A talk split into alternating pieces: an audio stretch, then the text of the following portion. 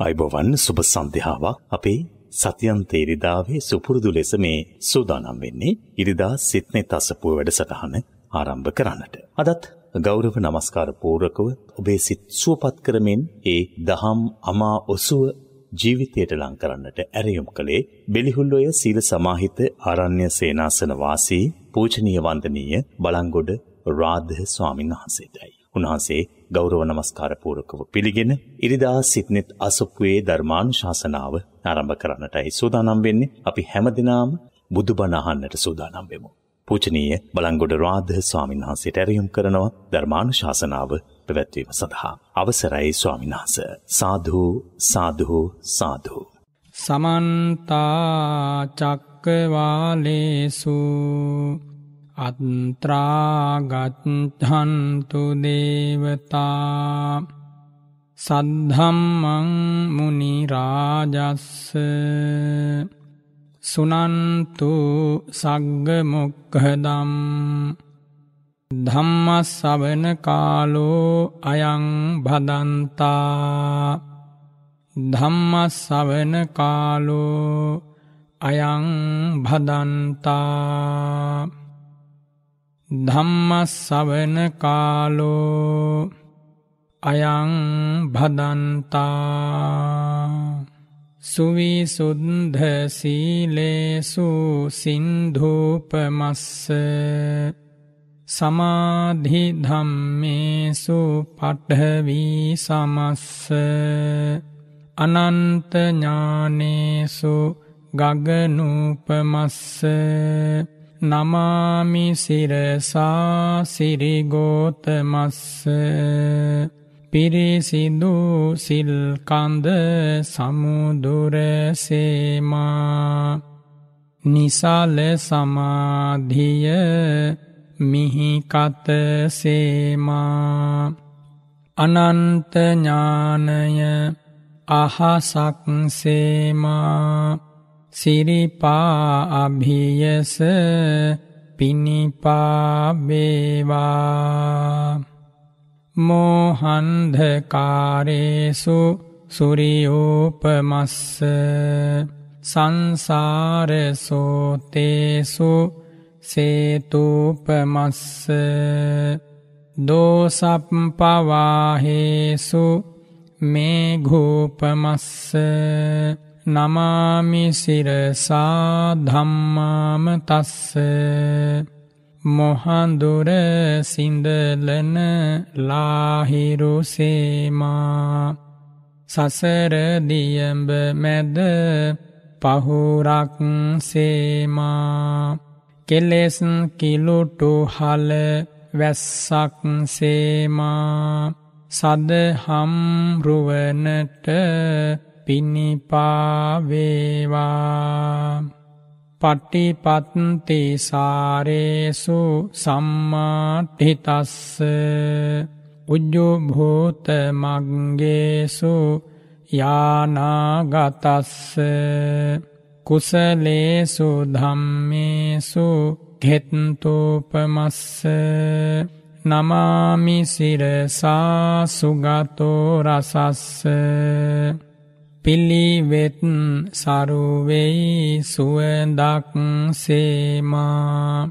දම්රස දනවයි මිහිරක් සේමා. පින්ගඟ ගලනා නිම්නය සේමා. මහසංගරුවනට පිණිපාවේවා සාධූ සාධූසාධූ නමෝතස්ස භගවතෝ අරහතෝ සම්මා සම්බුද්ධස්ස නමෝතස්ස භගවතෝ අරහතෝ සම්මා සම්බුද්ධස්ස නමෝතස්ස භගවතෝ අරහතෝ සම්මා සම්බුද්ධස්ස යේන දෝසේන දුට්ඨාසේ සත්තාගත්හන්ති දුග්ගතින් තන්දෝසං සම්මදඥ්ඥාය පජහන්ති විපස්සිනෝ පහායන පුනායන්ති ඉමං ලෝකං කුදාචනංති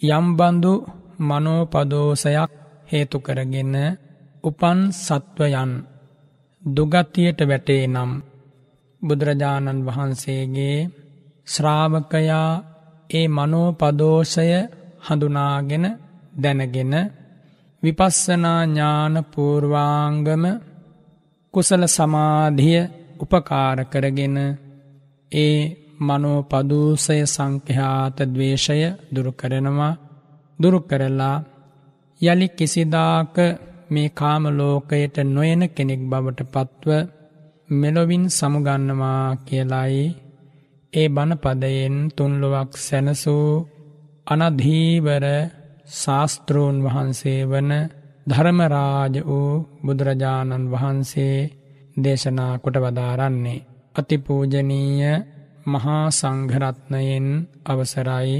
ශ්‍රද්ධාවන්ත පින්වතුනි.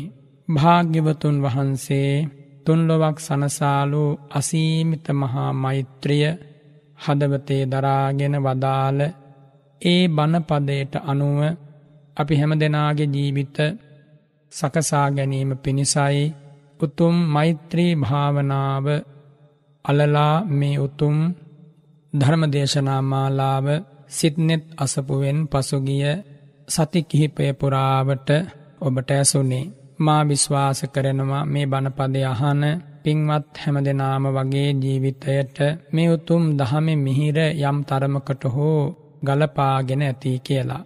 වෙන කවරදාටත් වඩා පිංවතුල්ලගේ හදවත්වල ශාන්තිය සතුට සදහම් ප්‍රීතිය මේ බණපද ඔස්සේ ඇතිවන බව අපට විශ්වාසයි.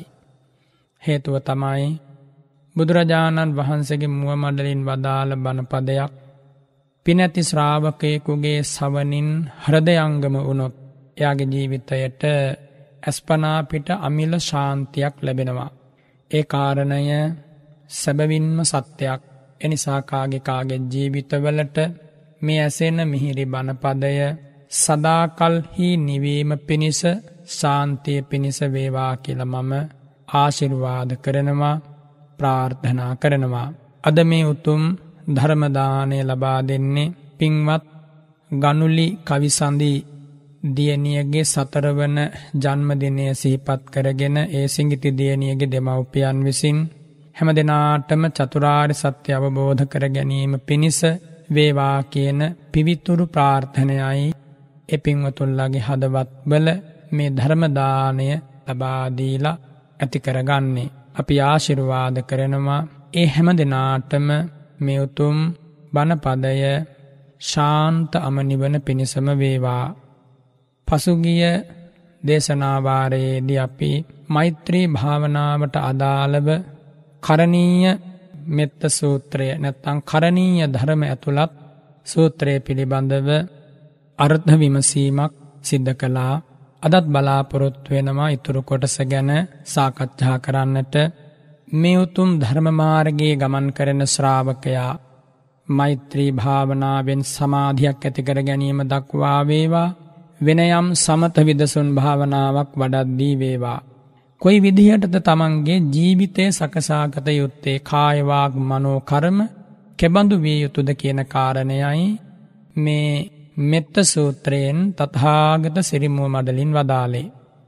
ඉතින් එහිදී අපි සාකච්ඡා කළා මේ උත්තම බුද්ධශාසනය තුළ ප්‍රගතියක් ලබන ගිහි පැවිදි ශ්‍රාවකයා. කෙබ්බන්දු මනෝභාවයකින් යුතුව මේ මහපොළවේ ජීවත් වී යුතුද. එහිදී භාග්‍යවතුන් වහන්සේ වදාලා සක්කෝ එයා කාරණා කාරණාවන්හි මනාව දක්ෂයෙක් විය යුතුයි රිජු කෙනෙක් විය යුතුයි වඩාත් රිජු කෙනෙක් විය යුතුයි සුවච්ච කෙනෙක් විය යුතුයි මෘදු ගුණ ඇති කෙනෙක් විය යුතුයි නිහතමානී කෙනෙක් විය යුතුයි ලදදයකින් සතුටුවන්නෙක් වෙන්නට ඕන පහසුවෙන් පෝෂණය කරන්නට පුළුවන් විය යුතුයි. බොහෝ කටයුතු නැති ස්වල්ප කටයුතු ඇති කෙනෙක් විය යුතුයි.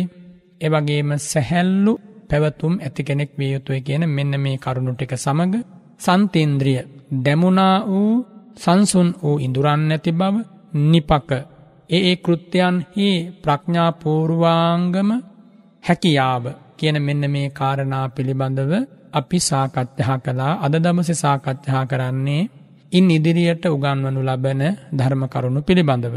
අප ගබ්හෝ කුමක්ද අප ගබ්හෝ කියල කියන්නේ. ප්‍රගල්භ නැත්තම් පගබ්භ කියන වචනයෙන් අදහස් කරන්නේ වැරදි පුරුදු. වැරදි කායකර්ම වැරදි වචීකර්ම වැරදි මනෝකර්ම වලට කියන ප්‍රගල්භ කියලා. එබන්දු වැරදි කායකර්ම වචීකර්ම මනෝකර්මවලින් ඉඳුරාම ඈත්විය යුතුයි බුදුරජාණන් වහන්සේගේ ශ්‍රාවකයා. එනිසයි භාග්‍යවතුන් වහන්සේ වදාරන්නේ අප ගබ්හෝ කියලා. න පගබ්හෝති අප ගබ්හෝ. කායවාක් මනෝ ප්‍රගල්භයන්ගෙන් යුක්ත නොවීමයි අප ගබ්භ කියන වචනයෙන් අදහස් කරන්නේ. අට්හට්ඨානේන කාය පාගබ්භියේන චතුට්ඨානේන වචී පාගබ්භියේන අනේකට්ඨානේන මනෝපාගබ්භියේනච විරහිතෝති අත්හෝ. කුමක් දෙයින් අදහස් කරන්නේ ආකාර අටකින් සිදුවන කාය ප්‍රගල්භයන්ගෙන් වෙන්වෙන්නට ඕන. ආකාර හතරකින් සිදුවන වචී ප්‍රගල්භයන්ගෙන් වෙන්වෙන්නට ඕන. නොයෙක් ආකාරයෙන් සිදුවන මනෝ ප්‍රගල්භයන්ගෙන් වෙන්වෙන්නට ඕන. තවත් විදිහකින් ඔබට කියා දෙන්නම් ආකාර අටකින් සිදුවන ලාමක කායික හැසිරීම් වලින් වෙන්වීම. ආකාර හතරකින් සිදුවන ලාමක වාචසික හැසිරීමෙන් තොරවීම. නොයෙක් ආකාරයෙන් සිද්ධ වන ලාමක මනෝ සමාචාරයන්ගෙන් වෙන්වීමයි අප ගබ්හෝ කියන උතුම් ගුණයෙන් තත්හාගතයන් වහන්සේ අදහස් කළේ. කුමක්ද ආකාර අටකින් සිදුවන කාය ප්‍රගල්භය. මේ මුළු දේශනාව විශේෂයෙන් මහා සංඝරත්නයට අවිශේෂයෙන් දෙවියන් සහිත ලෝකයට බුදුරජාණන් වහන්සේ දේශනා කරන්නේ මෙතන උගන්වා වදාරන්නේ ස්වාමීන් වහන්සේ නමක් කාය ප්‍රගල්භයන්ගෙන් ආකාර අටකින් වෙන්වීම පිළිබඳව. අට්ටට්හානං කාය පාගබ්භියං නාම කුමක්ද ආකාර අටකින් සිදුවන කාය ප්‍රගල්භය සංඝ ගණ පුග්ගල භෝජනශාලා ජනතාඝර නහානතිත්හ භික්කාචාර මග්ග අන්තරඝර පවේශනේසු කායේන අපපති රූප කරනං. සංඝයා අතරට යම් භික්ෂුවක් ගියාට පස්සේ. සංඝයා කිව්වහම යටත් පිරිසෙන් ස්වාමින් වහන්සේලා උපසපන් හතර දෙනෙක් හෝ ඊට වඩා වැඩි. ගණ කියලකිව්වට පස්සේ උපසපන් ස්වාමීන් වහන්සේලා හතර දෙනාට වඩා අඩු පිරිසක් දෙදෙනෙකුට වඩා වැඩි. ඉළඟට පුද්ගල කියලකිව්වට පස්සේ යම් ස්වාමීන් වහන්සේ නමක් ළඟට හෝ ගමන් කරපු මොහොත්තක. භෝජන ශාලා කියන්නේ දානශාලාභ දානශාලාවේ කටයුතු කරද්දී. ඒවගේම ජන්තාගර කියලා කියන්නේ ගිනි හල්ගය ඒ කාලෙ තිබිල තියෙනවා ස්වාමීන් වහන්සේලාගේ ඇතැම් ශරීර ආබාධයන්හි ශරීරයේ උණුසුම් ගන්වන ජන්තාගර ගිනිහල් ගෙවල් කියලවට කියන්නේ ඒ වගේ තැනකදී. ඒවගේම නහාන තිත්හ ස්වාමීන් වහන්සේලා පැම් පහස වන තැනක. භික්කාචාර මග්ග පින්ඩපාතය වඩින මාර්ගයේදී. අන්තර ගර පවේශන ඒ කියන්නේ දානය පිණිස ඇතුල් ගමට ගමන් කිරීමේදී. කියන මෙන්න මේ අවස්ථා අටේදී කායේන අපපති රූප කරනම්. කයින් වැරදි දේ කිරීමයි අටවැදෑරුම් කාය ප්‍රගල්භය කියල කියන්නේ. මොනවදේ වැරදිදේ. ඉදේකච්චෝ සංඝමජ්‍යයේ පල්ලත්හිකායවා නිසීදති ඇතැම් ස්වාමීන් වහන්සේ කෙනෙක් සංඝයා අතරට ගිහිල්ල විශාල සඟ පිරිසක් මැද පල්ලත්හිකාවෙන් ඉන්නම පල්ලත්හිකාව කියන්නේ වාඩි වෙලා සිවුරෙන් දනහිස් දෙක එකට රඳවාගෙන හෝ අත් දෙක දනහිස් දෙකට දෙපැත්තෙන් යවල එකට අල්ලගෙන හෝ සුරාසොඩුන් වාඩි වෙලා ඉන්නව වගේ වාඩි වෙලා ඉන්නවා. ඒක ගැලපෙන්නේ නෑ ඒක ස්වාමීන් වහන්සේ කෙනෙකුට කිසිසේත්ම ගැලපෙන්නේ නෑ. ඒකට කියනවා පල්ලත්හිකාවෙන් සිටීම කියලා. හත්හ පල්ලත්හිකය දුස්ස පල්ලත්හිකය කියලා ආකාර දෙකකින් මේ දහම තුළ ඒ හැසිරීම විස්තර කරලා තියෙනවා. එයින් යමෙක් යුක්ත වෙනවනං එයා කාය ප්‍රගල්භයෙන් යුක්තයි. එවගේම පාදේ පාද මෝදහිත්වා එහෙම නැත්නම් යම් කිසි කෙනෙක් කකුලක් උඩ කකුලක් තබාගෙන ඒ කකුල සොලවමින් හෝ සිටිනවා. එයත් වැරදි හැසිරීමක් ස්වාමින් වහන්සේ කෙනෙකුගේ. තත්හා ගණ මධ්‍යේ සංඝ්‍යාතරට ගියා වගේම තමයි ස්වාමින් වහන්සලා කීප දෙනෙක් ඉදිරියට ගියත් එක ස්වාමින් වහන්සේ නමක් ළඟට ගියත් මේ විදියට හැසිරෙන්න බෑ. ඒ වගේම ගණමධ්‍යේති චත්තු පරිස සන්නිපාතය කියලා විස්තර කරනවා. ගණයාමැද කියලා කිව්වේ භික්‍ෂු භික්‍ෂුණී උපාසක උපාසිකා කියන සිව්වනක් පිරිසම ඉන්න තැන. ඉතාම සංවරව හැසිරෙන්න්නට ඕන බලන්න මේ උතුම් දේශනාව තත්හාගතයන් වහන්සේ බදාරන්නේ. තත්හා වුද්ධතරයේ පුද්ගලේ ඒවගේම වැඩිහිටි ස්වාමින් වහන්සේලා ඉදිරියට යන නවක ස්වාමින් වහන්සේලාත් ඉතාම සංවරව. ලැජ්ජාබය තමහදුවතේ උපරිමයකින් පිහිටුවාගෙන අත්තිසය සාදර ගෞරෝ බහුමාන සහිතවයි ඒ ස්වාමින් වහන්සේලා වෙත එළඹෙන්න්නට ඕන. එවගේම තමයි භෝජන ශාලාවක දානශාලාවක වැඩිහිටි ස්වාමීන් වහන්සේලාට වැඩිහිටි පිළිවෙල සලකා ආසනය ලබා දෙන්නේ නැත්නම්. ඒවගේම නවක ස්වාමීන් වහන්සේලා ආසනවලින් නැගිටවල ඉවත් කරන වනම් බලහත්කාරයෙන් ආන්නෙවට කියනවා ලාමක කායික හැසිරීම් කාය ප්‍රගල්භය කියලා. ඒවගේම ජනතාගරයේදිත් ඒවගේ තැනකදි වුණත් ස්වාමීන් වහන්සේලා අපහසුතාවට පත්වන විදිහට යම් භික්ෂුවක් කටයුතු කරනවනං කාය ප්‍රගල්භයෙන් යුක්තයි.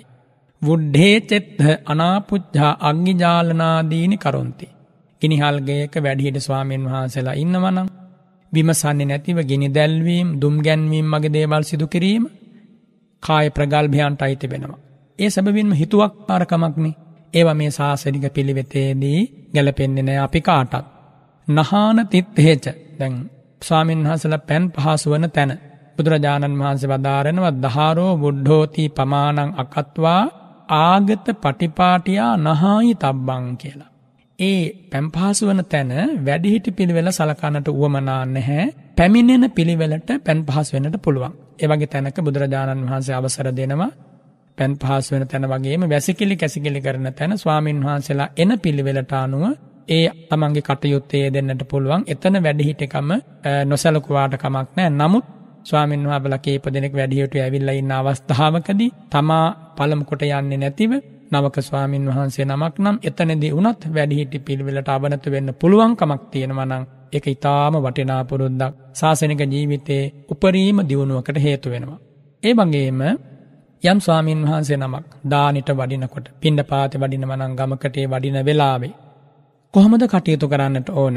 අග්ගාසන අග්ගෝදක අග්ග පින්ඩත් හං බුද්ධානම් පුරතෝ පුරතෝ යාති බාහාය බාහම් පහරන්තෝ යම් ස්වාමින් වහන්සේ කෙනෙක් ශරීර දමනයක් නැති ස්වාමින් වහන්සේ නමක් දානශාලාවකට ගිහිල්ල දන්හලකට ගිහිල්ල දන් ගෙදරකට ගිහිල්ල ප්‍රධාන ආසනයේ වැඩිහිට ස්වාමින් වහන්සලට නොදී වාඩි වෙනවන. ඒවගේ මිස්සෙල්ලාම බෙදන දානය තමන් ගන්න හදනවන. වැඩිහිටියන්ට ඉදිරියෙන් ශරීරය ඝර්ෂණය කරමින් නොහික්මුණු විදිහට ගමන් කරනවන ආන්නේ ක්‍රියාවන්ට කියනවා කාය ප්‍රගල්භ කියලා. ඒවගේම අන්තර ගරප් පවේශනයේ බුද්ධානම් පටමතරම් පවිසති පිඩ පාතයද්දි වැඩීඩ ස්වාමීන් වහන්සේලාට වඩා ඉදිරියෙන්. සමහරවිට වයසක ස්වාමීන් වහන්සේලා වඩිනකොට හෙමීන්ට වඩින්නේ. හැරමිටියක් අරගෙන වඩින්නේ. ඉතිං ඔය නවක ඇත්තෝ සමහර අලුත පැවිදි වෙච්චාය මේ වගේ තැන්වලදි ගැටෙන්න්නට පුළුවන් මෙහෙම ගිල්ල කවදා පින්ඩ පාද යන්නද කියලා. ඒ වැඩිහිටියන්ට ඉස්සර වෙලා යන්නට පුළුවන්. එබයි තාම වැරදි ක්‍රියාවන් මේ ශාසනය තුළ. එනිසා වැඩිහිටියන්ට සෑම මොහොතකම අවස්ථාව සලසා දෙන්නට ඕන. මේ බණපද අසාගෙන ඉන්න තුන්නිකායිට අයත් අතිපූජනීය ස්වාමීන් වහන්සේලා ඒ විදිහට තමයි කටයුතු කරන්නේ. එහෙම උනොත් පමණයි මේ බුද්ධ ශාසනය තව දවසකින් හරි මේ මහපොළොවෙ පවතින්නේ. ඉතින් එනිසා තමන්ට වඩා එක දබසකින් හරි පැවිද්දෙන් උපසම්පදාවෙන් වැඩිහිටී නම්. අසීමිත ගෞරවයක් සිතේ පිහිටුවා ගැනීම සැබවින්ම මෛත්‍රී සහගත කායකර්ම වචී කරමවලට තුඩු දෙනවා. දැන් ඔබට පැහැදිලි වෙන්නට ඕන පින්වතුනේ මේ මෛත්‍රිය කියන කාරණය හුදු වාඩි වෙලා හෝ සක්මනක හෝ සෞසතුන් වෙත වෛර නැත්තෝ වෙත්වා තරහ නැත්තෝ වෙත්වා දුක්පීඩා නැත්තෝ වෙත්වා සුවපත් වෙත්වා කියන මේ ප්‍රාර්ථනාවේ අධිෂ්ඨානයේ පමණින්ම සම්පූර්ණ වෙනවද නැද්ද කියන කාරණය. එනිසා ඒ මානසිකත්වය ඒ මෛත්‍රයේ සහගත මනෝභාවය අර්ථාන්විත වෙන්නේ මෙන්න මේ කියන ගුණ ධර්මත් එක්ක ඒ පුද්ගලයා ජීවත් වෙනවන. එනිසා මේ මෛත්‍රියක් කෙනෙකුට නොවැඩෙනව නම්. ඇයි නොවැඩෙන්නේ කියන කාරණයක් මේ කරණීය ධර්ම සාකච්ඡාවේදී ඔබට වැටහෙන්නට ඕන. පුද්ගලයකුට වහා වහා දවේශය ඇති වෙනවනං ඒ දවේශය අපි සිතපු වේගෙන් ඉවත් වෙන්නේ නැත්නම් අපි හොඳට විමසා බලන්නට ඕන මේ දේශය කොතනින්ද මතු වෙන්නේ. මේ දවේශය මතුවෙන් ඇතැම්මිට මගේම වැරදි කායකර්මයකින් වෙන්නට පුළුවන්. මගේ වැරදි හැසිරීමකින් වෙන්නට පුළුව මගේ වැරදි හැසිරීමක් තව කෙනෙකුට රුස්සන්නේ නැති වෙනකොට ඒ පුද්ගලයා නපුරු විදිහට ප්‍රතිචාර දැක්වුවොත් ඔන්න අපේ දවේශය මතු වෙනවා. ඉතින් මේ සෑම තැනකම අන්න අයට දොස් නොපවරා තමන්ගේ පැත්තෙන් තමන්ගේ සංවරය ශාමය සාන්තිය ප්‍රීතිය ඇතිකරගන්නට මේ උතුම් වැඩ පිළිවෙලේදී පින්වත් පිරිස දක්ෂ වෙන්නට ඕන. ඉතින් භාග්‍යවතුන් වහන්සේ වදාරන්නේ ප්‍රගල්භ කියන කාරණයෙන් අපේ කය කොච්චරනම් සංවරව තබාගත යුතුද කියනෙක්.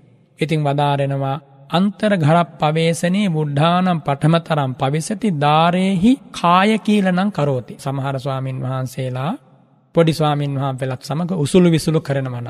ඒ ස්වාමීන් වහා පෙළත් සමඟ සෙල්ලක් කාර විදියට හැසිරෙනවනං ආන්නීමත් කාය ප්‍රගල්භ.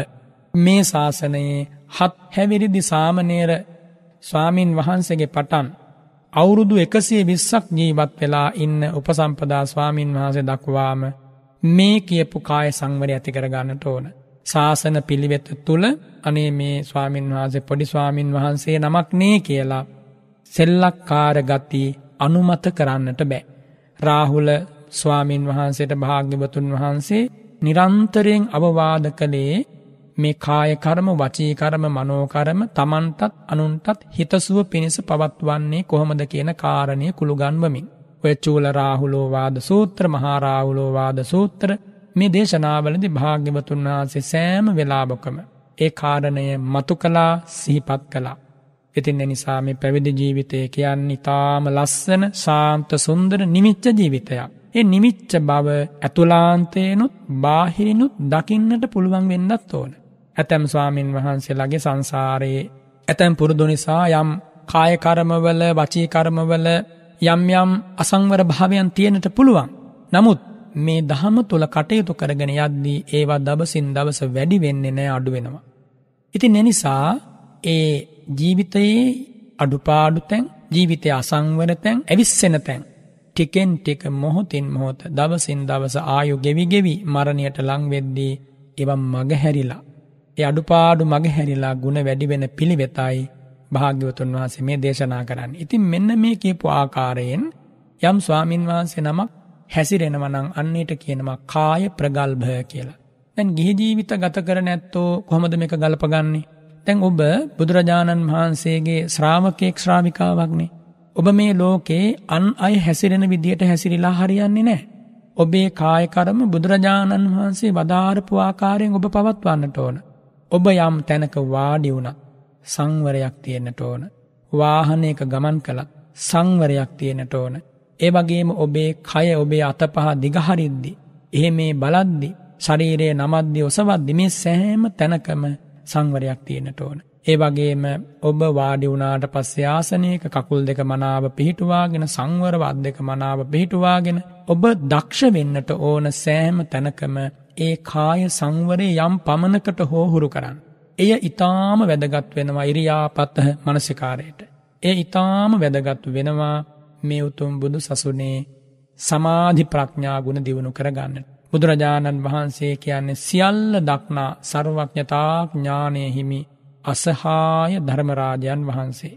ඒ උතුමන් වහන්සේගේ නිර්දේශයන් සංශෝධනය කරන්න මේ මිහි මඩලෙ හෝ වෙන යම් තැනක කිසිවෙකුටත් බෑ.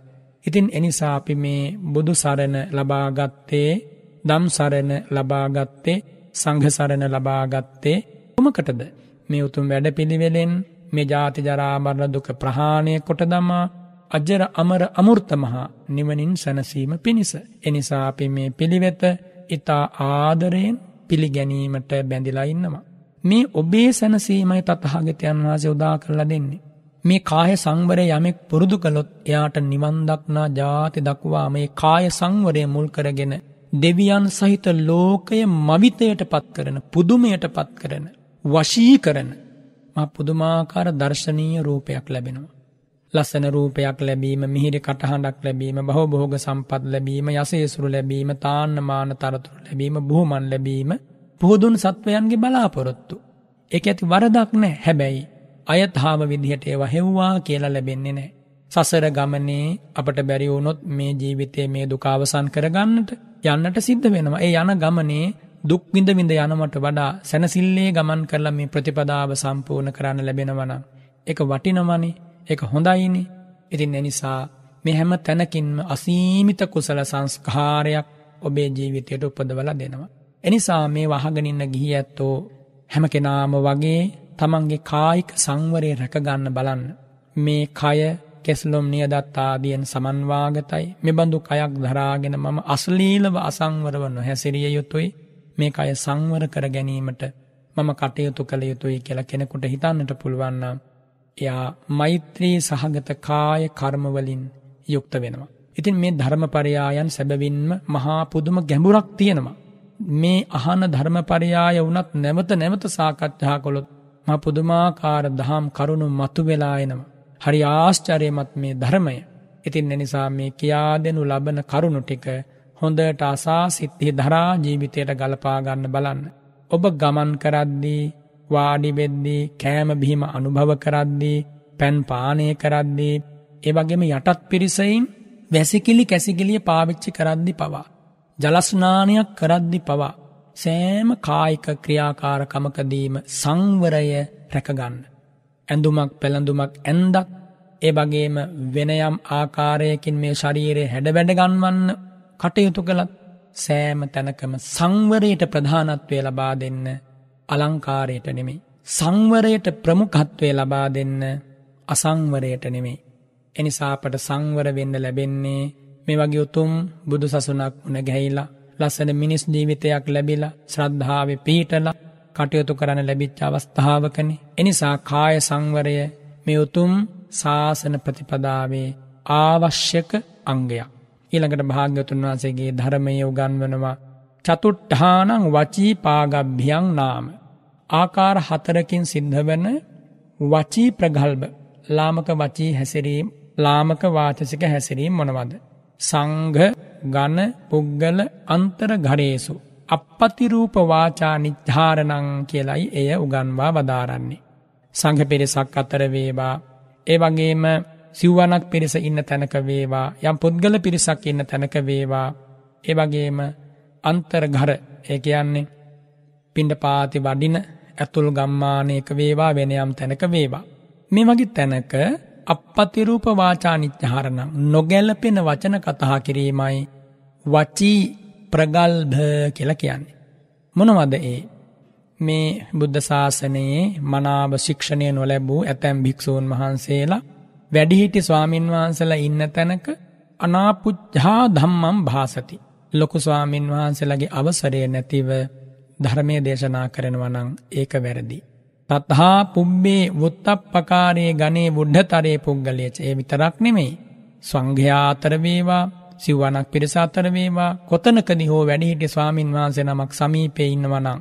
ඒ ස්වාමින් වහන්සේගේ අවසරය අනුමැතිය ඇතුවයි නවක ස්වාමින් වහන්සේලා ධර්ම දේශනා කළ යුත්තේ පිරිත් සජ්‍යායනා කළ යුත්තේ යටත් පිරිසයින් ගී ඇත්තෙක් සමග හෝ කතහා කරනවනං ඒ වැඩිහිටියන්ගේ අවසරේ මත තමයි ඒ දේ සිද්ධවන්නට ඕන. තත්හ මනුස්සේහි පං්හම් පුට්හෝ වුඩ්ඩ තරං අනාපුච්්ජා විශ්සජ්ජයට කවුරුන් හෝ ස්වාමින් වහන්සේ නමක් වැඩිහිටි ස්වාමින් වහන්සල ඉන්න තැනක. තමන්ගෙන් ගිහි ඇත්තෝ හරි ප්‍රශ්නයක් විමසුවත් දහම්කාරණයක් විමසූත් එතන ඉන්න වැඩිහිටියන්ගෙන් නාසා ඒ ප්‍රශ්නයට උත්තරවත් දෙන්න යන්න හොඳනේ. එව වැරදි මේ ශාසන ප්‍රතිපදාවතුළ වැඩිහිටි ස්වාමීන් වහන්සේට සෑම මොහොතකම ප්‍රධානත්වය ප්‍රභූත්වය හිමිවිය යුතු ඒ මත තමයි ශාසනික භික්‍ෂුව ශික්ෂණය ලබන්නේ. ඒ වගේම ඇතැම් නවක ස්වාමින් වහන්සේලා දානශාලාවකට ගියාට පස්සෙ දංවලදන තැනකදි ගියත්තෝ ඉදිරියේ ගියත්තන්ගෙන් අහනවනං. ඉත්හන්නාමයකින් අත්හෙහි මේ භාජනය මොනවද තියෙන්නේ. කින් යාග උදාහු කහදනීයම් භෝජනීය මේක තියෙන කැඳද කැවිලිද පෙවිලිද. කින් මේ දස්සස අද මොනවද දානට දෙන්නේ කිමජ්ජ කහදිස්සාම මොනවද අද වලදන්න තියෙන්නේ. කින් බුංජිස්සාමි කොයි වගේ දානයක් දාද වලදන්න ලැබෙන්නේ කින් පිවිස්සාමි මොනවද පානය කරන්න තියෙන්නේ. මෙන මේ විදිහට වැඩිහිටියෝ ඉන්න තැන බොහොම අසංවර විදිහට මේවා ගැන විමසනවනං ආන්‍යවට කියන වචී ප්‍රගල්භ කියලා දැම් බලන්න කොච්චර නම් සංවර විය යුතුද. ඒවගේම දැන් ගිහියත්තුත් මේ වාචසික සංවරය ඇති කරගන්නට ඕන.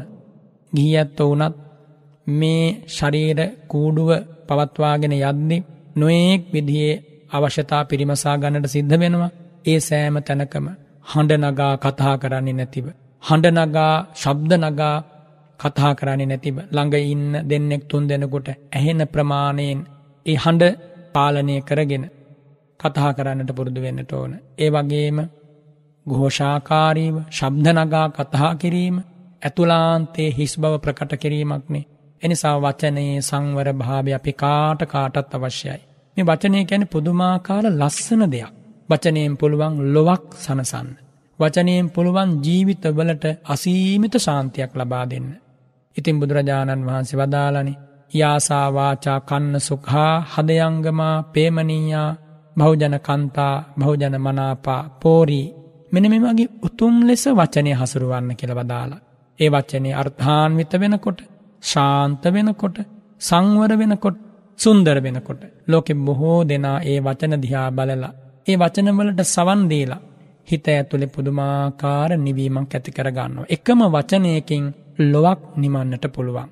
එක්කම වචනයකින් ඇවිලගත් හදවතක් නිවන්නට පුළුවන්. වචනය ගැන්නේ පුදුමාකාර බලයක් ඇති ධර්මස්වභාවයක්. ඉතින් එනිසා ඒ වචනය හරි හැටි හසුරුවන්නට ගී පැවිදි අපි හැම දෙනාම පුරුදු වෙන්නට ඕන හේතුව තමයි යම් වචනයක් කතහා කරලා ඒ වචනයෙන් අනර්ථයක් සිද්ධ වුණොත් ඒ වචනය නැවත අස්කරගන්නට බෑ ප්‍රකාශ වෙලා ඉවරයි ප්‍රබල්ල කර්මයන් සිද්ධ වෙන්නට පුළුවන් ඉතින් එනිසා සෑම තැනකම අපි දක්ෂවිය යුතුයි මේ වචන සංවරය ඇති කරගන්න.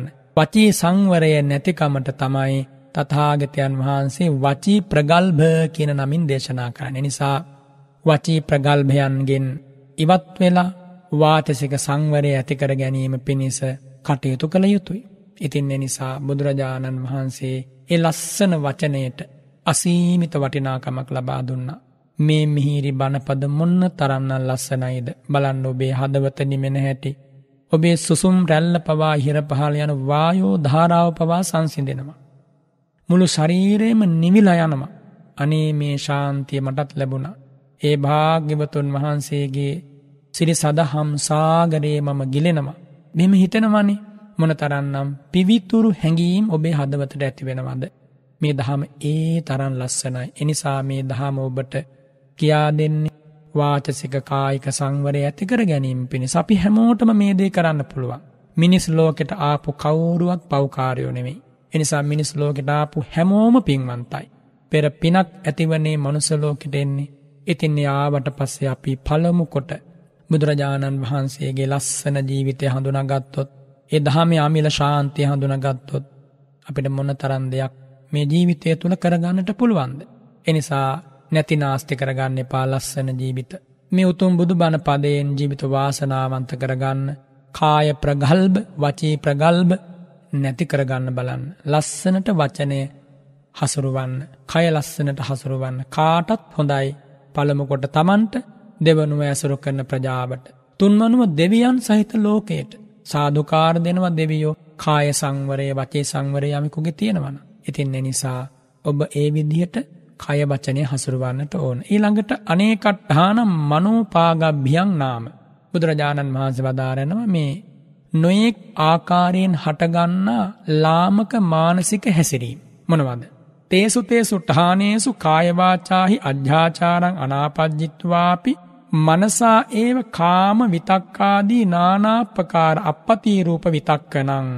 මොකක්ද මේ මනෝ ප්‍රගල්භය කිව්වේ. ඒ ඒ තැන ලාමක කායික හැසිරීම් කරන්නේ නෑ. ලාමක වාචසික හැසිරීමෙන් යුක්ත වන්නෙත් නෑ නමුත් මනසා ඒව සිතින්ම කාම විතර්කයන් කල්පනා කරගරන්නවා. නොයෙක් විදිේ නොගැල්ලපෙන අදහස් හිතේ කල්පනා කරගෙන මෙනෙහි කරකරන්න. ආන්නේ හැසිරීමට කියනවා මනෝ ප්‍රගල්භය කියලා. බලන්න මේ දහම තුළින් කොච්චර අව්‍යාජ මිනිසුන්ද බිහි කරන්න කියලා. හදවත අභ්‍යන්තරයෙන්මත් පාපයකට ඉඩ දෙන්නේ නෑ භාග්‍යවතුන් වහන්සේ. ඒ භාග්‍යවතුන් වහන්සේ ඇයි හෙම කරන්නේ හදවතේ වනත් කාටකාටත් නොපෙනී නමුත් පාපි සිතුවිල්ලක් ඇතිවෙලා මතුවෙලා පැවතුණු. ඒ පුද්ගලයට ඒක යහපතට හේතු වෙන්නේනේ.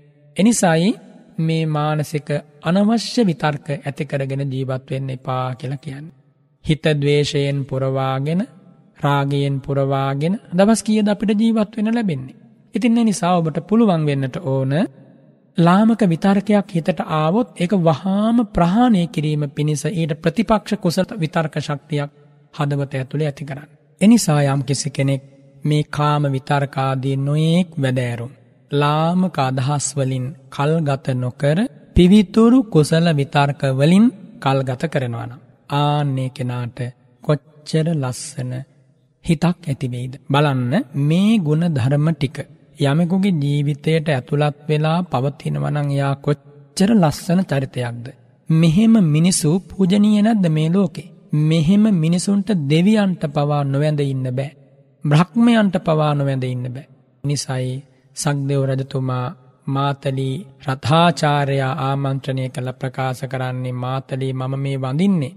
මෙ මිනිස් ලෝකෙ ඉන්නවා ධර්මානුකූලව ජීවත්වන සුන්දර වචනය ඇති සුන්දර සිතුවිලිය යහපත් කායකරම ඇති උපාසකුපාසිකාව පවා. මේ අය බොහොම හොඳින් මනුස්සලෝකයේ ලස්සන සීලවන්ත ජීවිත ගත කරමින් ධර්මය පුරදු කරමින් ජීවත් වෙන වන්නේ අයටයි මම මේ වන්දනා කරන්න කිව්වා. දෙවියන්ගේ වැඳුම් ලැබෙනවා මේ ප්‍රතිපදාව හරියට පුරුදු කළොත්. එනිසාපි මේවා හොඳට තේරුම් ගත්තොත් ජීවිතය ලස්සන පියවිච්චැස් දෙකට නෙමෙයි විවර වූ දෑසින්ම දැක ගන්න පුළුවන්. ඊළඟට භාග්‍යවතුන් වහන්සේ මේ කරණීය ධර්ම සමුදායේදී මේ විදිහට මේ කායවාග මනෝ ප්‍රගල්භයන් ගෙන් ඈත්වීම දේශනා කරලා ඊළඟට දේශනා කරනවා කුලේසු අනනු ගිද්ධෝ කියන කාරණය. කුලේසු අනනු ගිද්ධෝ කියල කියන්නේ කුමක්ද. යානි කුලානි උපසංකමති. ඒසු පච්චය තන්හායවා අනනුලෝමික ගිහි සංසග්ග වසේනවා අනනු ගිද්ධෝ ඔන්න බලන්න වදාරණ හැටි. යම් ස්වාමීන් වහන්සේ නමක් යම් කුලයකට වැඩම කරනවා යම් පවුලකට වැඩම කරනවා. වැඩම කලාට පස්සේ දාන ටිකක් ලබාගන්න හෝ ගිලන් පස සඳහා හෝ වෙනයම් අවශ්‍යතාවකට. එහෙම ගමන් කරලා ඒ ගිහියන් සම්බන්ධයෙන් සිව්පසයෙන් තන්හාාවෙන් නොබැඳී සිටිය යුතුයි. ඒවගේම අනනුලෝමිය නොගැලපෙන අනුලොම් නොබන ගිහි සංසර්ගයක් නොපැබැත්විය යුතුයි. ගිහි ඇත්තෝ සමග පැවිදි ස්වාමින් වහන්සේලා කටයුතු කරනකොට.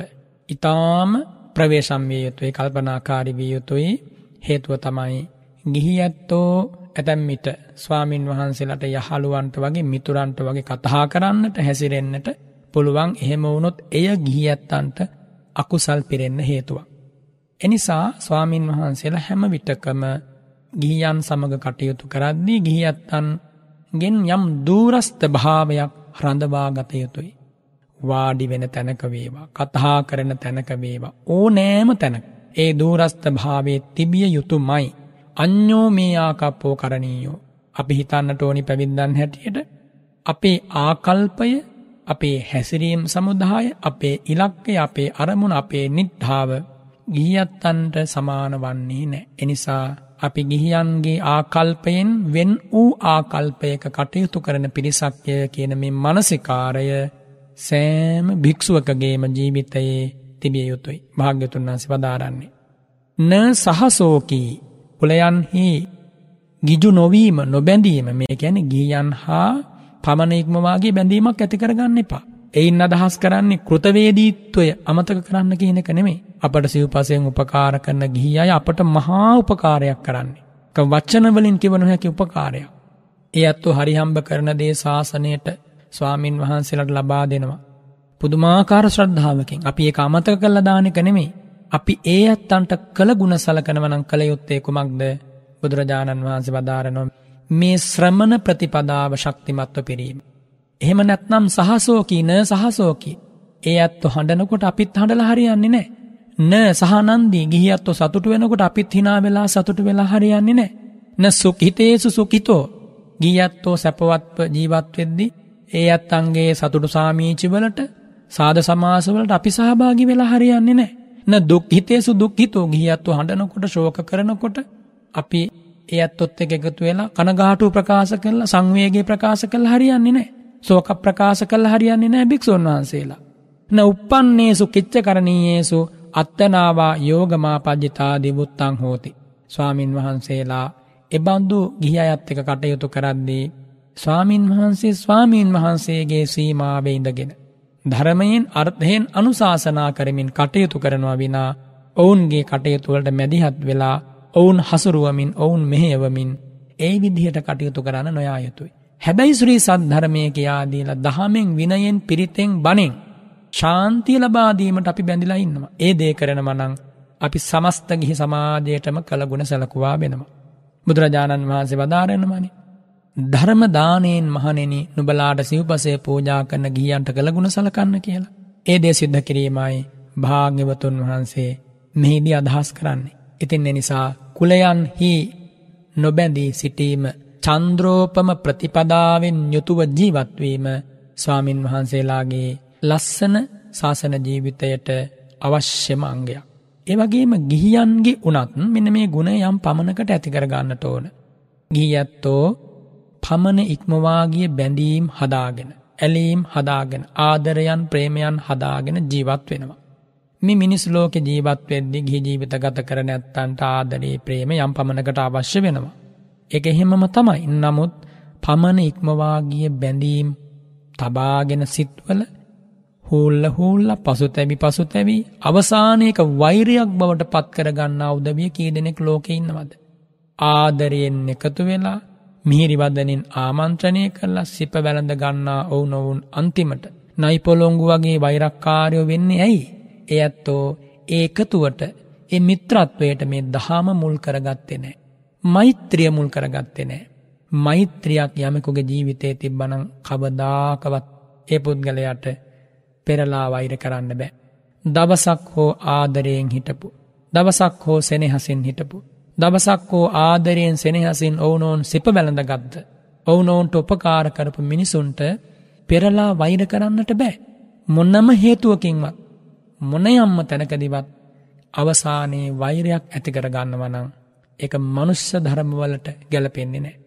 ඉතින් එනිසා අපි හැම වෙලාවකම බලන්නට ඕන අපේ පැත්තෙන් මෛත්‍රී පූර්වාංගම හැසිරීමක් මගේ ජීවිතේ තියෙනවද. අන්න ඒ කාරණය තමයි තතහාගතයන් වහන්සේ වදාලේ කාය ප්‍රගල්භවලින් නිදහස්ව කුලයන් හි පමණෙක්මවා නොබැඳී ජීවත් වෙනවනං අපිට ඒ අසීමිත රැකවරණයක්. යම් පමණකට බැඳීම් ශක්තිමත්ද මරණාසන්න සමය එපමණකට පීඩායනවා. යම් පමණකට බැඳීම් ඇතිකරගෙන ඒ වගේ ගිලිලා ජීවත් වෙනවද ජීවිතයෙන් සමුගන්න වෙලාවේ එය බල්ලබත් පීඩනයක් වෙනවා. ඉතින් එනිසා මේ ජීවිතය ගත කරගෙන යද්දි. කවුරු කවුරුත් අවබෝධයෙන් යුතුව පුද්ගල සබඳතා පවත්වන්නට වග බලාගන්න. විවාහය වේවා ආවාහය වේවා අඹුසැමි සබඳතාව වේවා දවාදරුවන්ගේ මව්පිය දවාදරු සබඳතාව වේවා. ඒවගේම ගුරු ශිෂ්‍ය සබඳතාව වේවා ගිහි පැවිදි සබඳතාව වේවා යහළු මිත්‍ර සබඳතාවේවා මොනයම් සම්බන්ධයක් වුණා. අපි දක්ෂවිය යුතුයි අනවශ්‍ය රාගාදී කෙලෙස් ඇතිකරගන්නේ නැතිව. කිසි සේත්ම දවේශ සහගත සංකල්පන ඇතිකරගන්නේ නැතිව. හොඳින් හමු වනා වගේ හොඳින් වෙන් වෙලා යන්න හැම දෙනාම වග බලාගන්න. ආදරයෙන් එකතු වෙලා වෛරයෙන් වෙන්වෙනවට වඩා හොඳ නැද්ද. ආදරයෙන් එකතු නොවී තනියම ජීවත්වෙනෙ. මොකද මේ ජීවිතයේ ආයුෂය අඩුයි කියලා නැවත නැවත ඔබට කියන්න දෙයක් නෑ ඔබ දන්නවනි. තින ගණන සීමිතයි ජීවත් වෙන්න තියෙන හෝරා ගණන සීමිතයි. ඉතින් මේ අනවශ්‍ය බැඳීම් වලට ජීවිතය මහ තැනක් දීල දබස් කියද ජීවත් වෙන්නේ. ඔබ උපාදාන බවට පත්වෙලා ජාති ජාති විපාක එනකොට අනේ අසවලා හින්දනි මම මේ තත්ත්වයට මුහුණ දුන්නේ කියලා කියලා හරියනවද. ඒම හරියන්නේ නෑ. එනිසා මේ උතුම් දහම ජීවිතයට ගලපාගත්තොත් කොච්චරනම් ලස්සන සාන්තියක් ඇස්පනාපිට විඳගන්න ලැබෙයිද. එනිසා ඔබ මේ බුදුරජාණන් වහන්සේ කරණීය ධර්ම සමුදාය කියපු මේ ගුණ දාහතර ජීවිතයට පණ වගේ එකතු කර ගන්න බලන්න මේ මෛත්‍රී භාවනාවෙදිත් මෙයින් අන්‍ය වූ සමත භාවනා විදර්ශනා භාවනාවෙදිත් මේ ගුණටික උපකාරයි. දැන් ඔබ හිතන්න මේ ගුණටික යමෙකුගේ ජීවිතයේ තියෙනවනම්. බලන්න ප්‍රතිපත්ති සංඛ්‍යාත අර්ථය යමෙක් දක්ෂවීම සක්කෝ. ඒවගේම රිජුවීම ගුණධර්ම පිරීම් වසයෙන් රිජුවීම වඩාත් රිජුවීම උජූ සූජු. ඒවගේම සුවචවීම අවවාදයන් පිළිගැනීම එවගේම සසුන් බඹසරහිලා මෘදුභාවය ඇති කර ගැනීම ජාති ගෝත්‍රාදී වසයෙන් සිහිකරලා මානය ඇතිකරගන්නේ නැතිව සිටීම මේ ගුණ තියෙනකොට ජීවිතය කොච්චර ලස්සන වෙනවද. ලද දෙයින් සතුටු වෙනකොට සන්තුස්සකෝ පහසුවෙන් පෝසනය කරන්න පුරුදු වෙනකොට සුභරෝ. බොහෝ කෘත්‍ය වලින් ජීවිතය අවිවේකී කරගන්නේ නැතිව ඉන්නකොට අප කිච්චෝ සැහැල්ලු පැවතුම් ඇතුව ජීවත් වෙනකොට සල්ලහුකවුත්තේ. දැමුණු ඉඳුරන් නැතිව ජීවත් වෙනකොට සන්තින්ද්‍රිය ඒවගේම කෘත්‍යාකෘත්‍යයන් හි විමසුම් නුවන තන්වැසි නුවන ජීවිතය ඇති කරගන්නකොට නිපක කායවාග මනෝ ප්‍රගල්භයන් දුරුකිරීම අපගබ්භ කුලයන්හි ගිජුනොවීම කුලේසු අනනුගිද්ද මේ ගුණධර්මදා හතර යමකුගේ ජීවිතේ තියෙනවන ඒ කාන්තෙන් යා සමාධයක් ලබනවා. ඒ කාන්තෙන් ප්‍රඥා පහල කරගන්නවා. එනිසා සැකහිතන්න දෙයක් නෑ. අඩමානට නෙමෙයි මේ කියන්නේ. ඒ කාන්තයෙන් බුදුරජාණන් වහන්සේ උගන්වා වදාරන්නේ සව් සතුන්ට ශාන්තිය ලැබෙන පිළිවෙල. ඊළඟට භාග්‍යවතුන් වහන්සේ මේ ගුණධර්ම දාහතර ගාතහා ධර්ම දෙකකින් තමයි උගන්වා වදාලේ. ඊළඟ ගාතහාව තමයි නච්ච කුද්දන් සමාචරය කිංචේන විඤ්ඥූ පරය උපවදෙයුම්. සුකිනෝවා කෙහෙමිනෝහොන්තු සබ්බේ සත්තා භවන්තු සුකිතත්තා කියෙන ගාථාව. බුදුරජාණන් වහන්සේ කුමක්ද මෙහිදි දේශනා කරන්නේ. කරණීයන් ආචෙක් හිත්වා ඉදානි අකරණීයම්පි ආචෙක් හිතුකාමෝ. පුරුදු කළ යුතු ගුණ දාහතරක් දේශනා කරලා එන් අනතුරුව නොකළ යුතු දේ කුමක්ද කියලා මෙහිදී බුදුරජාණන් වහන්සේ වදාරෙනවා. නච්ච කුද්ධං සමාචරයේ කිංචයන විඤ්ඥූ පරි උපවදේයුන්ති. එයි අදහස් කරන්නේ කුමක්ද තස්සත් හෝ ඒවමිමං කරණීයන් කරොන්තෝ මේ විදියට තථාගතයන් වහන්සේ අනුදැන වදාළ සක්කෝ උජූ ආදී කරණීය ධර්ම දාහතර හොඳට පුරුදු කරමින්. යන්තං කායවචී මනෝ දුච්චරිතං කුද්දං ලාමකන්ති පුච්චති. මේ ලෝකයේ සත්පුරුසයෝ ඉන්නවා. කල්්‍යාන මිත්‍රයෝ ඉන්නවා. දහම විනේ හොඳට දන්න අය ඉන්නවා. පවට ලැජ්ජා බය ඇති සිල්වතුන් ඉන්නවා. අන්නේ සිල්වතුන් යම් කායකරමයක් වචීකරමයක් මනෝකරමයක් ලාමකයි කියල ප්‍රකාශ කරනවන. කුද්දයි කියල ප්‍රකාශ කරනවන. අයහපත් කියල ප්‍රකාශ කරනවන. වෙනත් ආකාරයකින් කිව්වොත් මේ ලෝකයේ ඉන්න සත්පුරුස කල්්‍යාන මිත්‍ර උතුමෝ යම් කායවාක් මනෝකරමයක් ප්‍රතික්ෂේප කලාන. ආන්නේ ප්‍රතික්ෂේප කරන ලද කායකර්මයක් නච්ච කුද්දන් සමාචරයේ කිසිදාක එයා සිද්ධ කරන්නේ නෑ. විඤ්ඥූ භාවයට පත් වූ නුවනැතියන් උපවාද අපවාද කරන ත්‍රිවිධ දුෂ්චරිත සංඛ්‍යාත කිසිදු ශුද්‍ර කර්මයක් සිද්ධ කරන්නේ නෑ කියන එකයි. නච්චකුද්දන් සමාචරයේ කිංචයන විඤ්ඥූ පරේ උපවදෙයුම් කියන මෙන්න මේ පදයෙන් තතහාගතයන් වහන්සේ වදාරන්නේ. අපමත්තකං අනුමත්තම් පින්න සමාචරේති බුත්තං හෝති. මේක පොඩි වැරක්දක්නේ මේක කුඩා වැරද්දක්න කියලා වැරැද්ද නොතකාඉන්න නෑ. කුඩා වැරැද්දක් වුණා. ඉතා ක්ෂුද්‍ර කුඩා වැරැද්දක් වුණා කුද්දං කියල කියෙන පදයෙන් අදහස් කරන්නේ යයි. පුංචි වැරැද්දක් වුණත් ඒ වැරැද්දෙන් වලකිනවා. හැබැයි මෙතනද අපි හොඳට විමසා බලන්නට ඕන නුවන නැති අය ආදර්ශයට තබාගෙන නෙමේ මේ උතුම් ශාස්තෘ ශාසනයේ හික්මුණ ගිහි පැවිදි කල්්‍යාන මිත්‍රයෝ ආදර්ශය තබාගෙනයි අපි වැරැද්දෙන් අතමි දෙන්නට ඕන. බුදුරජාණන් වහන්සේ සරණගිය ශ්‍රාවකයන් ඉඳුරාම වැරදිී කියලා දකින කායවාග මනෝකරම බුදු සරණක් නොලැබූ අය ඉඳුරාම නිවැරදී කියලා සම්මත කරගෙන ඉන්නවා ලෝකෙ. බුදුරජාණන් වහන්සේක ශ්‍රාවකයෝ ප්‍රාණඝාතය දිවිහිමියෙන් ප්‍රතික්ෂේප කරනවා.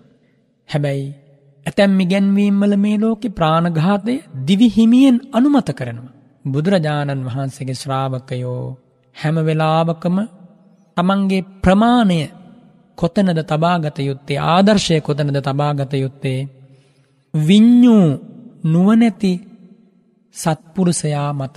කෞද නුවනැති සත්පුරුසයා බුදුරජාණන් වහන්සේගේ දහමේ මනාව හික්මුණ ඒ දහම ජීවිතයට ගලපාගත්ත ඒ දහමෙන් ආගතාගම වූ ලබන ලද අවබෝධයක් ඇති කෙනා තමයි නුවනැති සත්පුරුෂය. අන්නයා තමයි ප්‍රමාණය.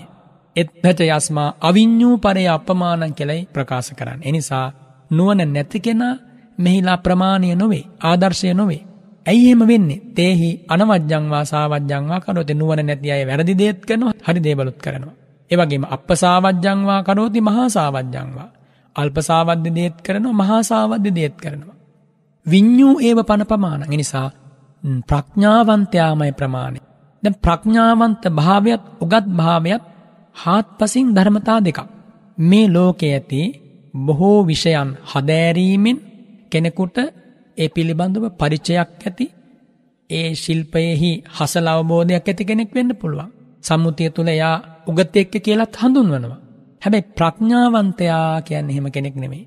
ප්‍රඥාව කියන ධර්මය එහෙම උගත්කම්වලින් ලැබෙන එකක් නෙමෙයි. තථාගත ධර්මය පුරුදු කිරීමෙන්මයි ප්‍රඥාව පහළවන්නේ. එනිසා ප්‍රඥාව පහළවන ධර්මයක් මිසක් උගත්කම් අනුසාරයෙන් ලැබෙන ධර්මයක් නෙමෙයි. නමුත් තථාගතයන් වහන්සේගේ ධර්මය ඇසීම එය මෙනෙහි කිරීම පුරුදු කිරීම කියන සුතා දතා වචසා පරිචිතා මෙන මේ කාරණාවස්සේ ප්‍රඥාව පහළ වෙනවා. ඉතින් එනිසා ප්‍රඥාව පහළ වෙච්ච කෙනා මේ ලෝකෙ තියෙන ලෞකික ශිල්ප කලා ශාස්ත්‍ර ඥාන නොලබපු කෙනෙක් වෙන්නට පුළුවන්. ඇතැම්මිට අක්ෂර ශාස්ත්‍රය පවා නොදන්නා කෙනෙක් වෙන්නට පුළුවන්. හැබැ ප්‍රඥාව කියන කාරණය එයාගේ ජීවිතයේ සංසාරයේ වාසනාවට මතු වෙනවා. මේ දහමේ අසිරියෙන් මතු වෙනවා. තත්හාගත ශ්‍රාවකත්වය තුළ මතු වෙනවා. බුදුරජාණන් වහන්සේ වැඩ හිටපු කාලයේ හිටපු දාස දාසියෝ පවා මගපල ලැබුවේ කිසි උගත්කමක් බාහිරේ අත්තන්ගේ ජීවිතවල තිබුණේ නෑ. නමුත් ප්‍රඥාව කියන කාලනේ මේ චතුරාර් සත්‍ය විමසීමෙන් ඇතිවන දෙයක් නිසා. චතුරාර් සත්‍ය නුවනින් විමසන්නට පුළුවන් හැකියාව යමකුට තියෙනවනං ආන්න එකට කියන ප්‍රඥාවේ පූර්ව භාගය කියලා. ඉතිං නිසා ප්‍රඥාවන්තයෝ යමකට දොස් කියනවනං අන්නේ දේ පුංචී කියලා නොතකා නොසිට පුංචි වැරැද්දක් වුණත් හදාගන්නට ඕන මේ ධර්ම මාර්ගයේ ගමන් කරනවනං අන්න ඒ කාරණයයි තථාගතයන් වහන්සේ මේ මෙත්ත සූත්‍රයේදී නච්ච කුද්දන් සමාචරයකින් චේන විඤ්ඥූ පරය උපවදෙයුම් කෙන මෙන්න මේ ගාතහා පදයෙන් දේශනා කොට වදාලේ. යේන යම් කාරණයක් මුල් කරගෙන පරේ විඤ්ඥූ අන්‍ය වූ නුවනැත්තෝ උපවදෙයුම් උපවාද කරයි නම් දොස්නගයි නම් තං කුද්දං සමානම්පි න සමාචරයකින්චි එය පුංචි දෙයක් වුණත් ඒ දේනම් කරන්නේ නෑ. ඉතින් එනිසා බුදුරජාණන් වහන්සේ අපින් බලාපොරොත්තු වනේ අනුමාත්‍ර වරදේ මගේ ශ්‍රාභකයෝ භයදකිමින් මේ දහම පුරුදු කරාවී කියලා. එහෙම උනොත් තමයි නිවන් මග එම උනොත් තමයි ශාන්ති මග ඉදිරියට යන්න ලැබෙන්. ඉතින් මේ විදිහට කරණීය අකරණීය කියන මේ කරුණු දෙකම මේ උතුම් ධර්ම පරියායේදී තථාගතයන් වහන්සේ දේශනා කරලා සන්තම් පදං අභිසමෙච්ච විහරතුකාමස්ස. ශාන්ත අමා නිවන මේ ජීවිතය තුළදීම අවබෝධ කරගෙන වාසය කරනු කැමති. ගිහි පැවිදි ශ්‍රාවකයාට තථාගතයන් වහන්සේ කටයුතු කළ යුතු මූලික ආකාරය දේශනා කල්ල ඉන් අනතුරුව. එදා අමනුෂ්‍යෝපද්‍රවයෙක්ට මුහුණදුන් ඒ ස්වාමින් වහන්සේලාට කම්මට්හානූපචාරං වත්වා ඉදානිතේසම් භික්කූනන් තස්ස දේවතා භයස්ස පටිඝාතාය පරිත්තත්හං විපස්සනා පාදක ජාන වසේන කම්මට්හානත්හංච සුකිනෝව කේමිනෝ හොන්තු ආදිනා නයන මෙත්ත කතං කත්හේතු මාරද්ධෝ කෙල මේ පිවිතුරු දහමයෝ ගන්වනවා. මෛත්‍රී භාවනාව සම්පූර්ණ කරගන්න බලාපොරොත්තු වන කෙනා මේ මූලික සුදුසුකම් ටික ජීවිතය ඇති කරගන්න කොටම සියල්ලු සත්වයෝ වෛර නැත්තෝ වෙත්වා කෙළ හිතනකොට සිත සමාධිමත් වෙනවා. එක හරි ආශ්චරයම. එම වෙන්න නැත්නම් මේ කියපු ගුණධර්ම දාහතරෙ කොතන හරි අඩුවක් තියෙනවා. ඒවගේම පුංචි හරි කායික වාදසික මානසික වැරද්දක් සිද්ධ වෙනවා නම් මේ උතුම් වැඩ පිළිවෙලට ඒක කාලයක් යනකොට බාධා වෙන්න පුළුවන්. එනිසයි පුංචි වැරද්ද කියලා නොතකා ඉන්න එපා කියලා වදාළේ. ඉතින් ඒ විදිහට තථාගතයන් වහන්සේ වදාරලා එදා ඒ ස්වාමින් වහන්සේලා ඒ වෘක්ෂ දෙවිවරුන්ගෙන් පැමිණි ඒ පලිබෝධය දුරු කිරීම පිණිසත්. ආරක්ෂාව පිණිසත් විපස්සනාවට පාදක කර ගැනීම පිණිසත්. මේ මෛත්‍රී සමාධි ඇති කර ගැනීමේ මනසිකාර ක්‍රමවේදය දේශනා කරනවා කුමක්ද සුකිනෝවා ගෙමිනෝහොන්තු සබ්මේ සත්තා භවන්තු සුගිතත්තා සෞසත් වූ සියලු සත්වයෝ සුවපත් වූවෝ නිරුපද්‍රව වූවෝ සුකිත සිත් ඇත්තෝ වෙත්වා කියනකයි ඒ ගාථා පදයේ තේරුම. සුකිනෝ කියන්න කුමක්ද සුකිනෝති සුක්හ සමංගිනෝ සියලු සත්වයෝ සැපයෙන් යුක්ත වේවා. කෙහෙමිනෝ කුමක්ද කෙහෙමිනෝ කියන්නේ. කෙහෙමිනෝති කෙහේමවන්තෝ අභයා නිරුපද්දවා තිබුත්තං හෝති සියලු සත්වයෝ බිය නැත්තෝ වෙත්වා උපද්‍රව නැත්තෝ වෙත්වා සබ්බේ සත්තා සබ්බේති අනවසේසා ඉතිරියක් නැතිව අසවල් සත්වයා මගහැරුණා කියලා කියන්නේ නැතිව. සියලු සත්වයෝ අනවශේෂ වශයෙන් සියලු සත්වයෝ සියලු ප්‍රාණීහු සුඛිතත්තා සුඛිත චිත්තා සුවපත් වූ සිත් ඇත්තෝ වෙත්වා කියන එකයි මේ මෛත්‍රී ප්‍රාර්ථනය මෛත්‍රී සහගත ආකල්පය. අවිහිංසා අව්‍යාපාද සංකල්පය බලන්න මේ මතු වෙලා එන හැටි. ආර්ය අෂ්ඨාංගික මාර්ගයේ නොවේද මේ වැඩෙන්නේ. මෙහෙම හිතනකොට සම්මා සංකල්පයේ නොවේද මේ වැඩෙන්නේ. ඔබ නුවනින් විමසල බලන්න. මෙන්න මේ විදිහට තථාගතයන් වහන්සේ. සියලු සත්වයන්ගේ කායික මානසික සුවපත් භාවය හදවතින්ම අපේක්ෂා කිරීම ප්‍රාර්ථනා කිරීම නම් වූ මෛත්‍රී සංකල්පය තම හදවතේ මතු කරගන්න විදිය මූලික වශයෙන් මෙතෙන්දි දේශනා කළා. එහෙම දේශනා කරලා මෙත්තා භාවනාකාර දස්සනත්හං ඒවන්හි මෙත්තා භාවය තබ්බා. මේ මෛත්‍රී වඩන කෙනා මෛත්‍රය ප්‍රගුණ කරන්නේ මෙන්න මෙහෙමයි. කොහොමද? සබ්බේ සත්තා සුකිනෝ හොන්තු. සියලු සත්වයෝ සැපවත් වෙත්වා. මෙන්න මේ අදහස නැවත නැවත නැවත නැවත නැවත සිත ඇතුළේ පවත්වනවා. මා ඔබට මුල් වැඩසටහන් වලදි කියලා දුන්නා ප්‍රියමනාප පුද්ගලයෙක් තෝරා ගැනීමේ පටන් සීමා සම්භේදය දක්වාම මෛත්‍රිය පුරුදු කරගෙන ඇවිල්ලා අවසානයේදී පුද්ගල භේදයක් හෝ දිසා භේදයක් හෝ මුකුත් නොකර සියලු සත්වයෝ කියලා අරමුණු කරලා සියලු සත්වයෝ සුවපත් වෙත්වා කියන සිතුවිල්ලේ ඉදිරියට යන්නට ඕන කියලා. ආන් ඒක තමයි මෙතන මේ කරණීය ධර්ම සූත්‍රයේදී තථාගතයන් වහන්සේ වදාරන්නේ සබ්බේ සත්තා සුඛිනෝ හොන්තු. ඔබ දැන් හිතන්න අර මුලින් මා ඔබට තථාගත ධර්මයට අනුව කියා දුන් ඒ මූලික කරුණු ටික සම්පාදනය නොකර මෙතෙන්ට එන්න පුළුවන්ද කියලා මෙතෙන්ට එන්න බෑ. එනිසා අපි මේ ලෝකයේ වෛරයෙන් අතමිදිලා තරහෙන් අතමිදිලා හිතවතුන් අහිතවතුන් වෛරක්කාරයන් කැන මේ භේදය තුළ හිරවෙලා ඉඳලා අපට බෑ මෛත්‍රියෙන් ශක්තිමත් වෙන්නට ඉතින් එනිසා මේ කාරණ හොඳට සීපත් කරගන්නට භාග්‍යවතුන් වහන්ස බදාරෙනවා සබ්බේ සත්තා එහෙමිනෝ හොන්තු සියලු සත්වයෝ බිය නැත්තෝ වෙත්වා. ඒ විදිහටත් මෛත්‍රී බලන්න පුළුවන්. සබ්බේ සත්තා සුඛිතත්තා හොන්තු සියලු සත්වයෝ සුවපත් වූ සිත් ඇත්තෝ වෙත්වා. දැන් තුන්වන ගාථාවි දෙවන ගාථා අර්ධයෙන් තමයි මේ සියලු අර්ථය තතාගතයන් වහන්සේ වදාරන්නේ. කුමක්ද සුඛිනෝවා කෙහෙමිනෝ හොන්තු සබ්බේ සත්තා භවන්තු සුඛිතත්.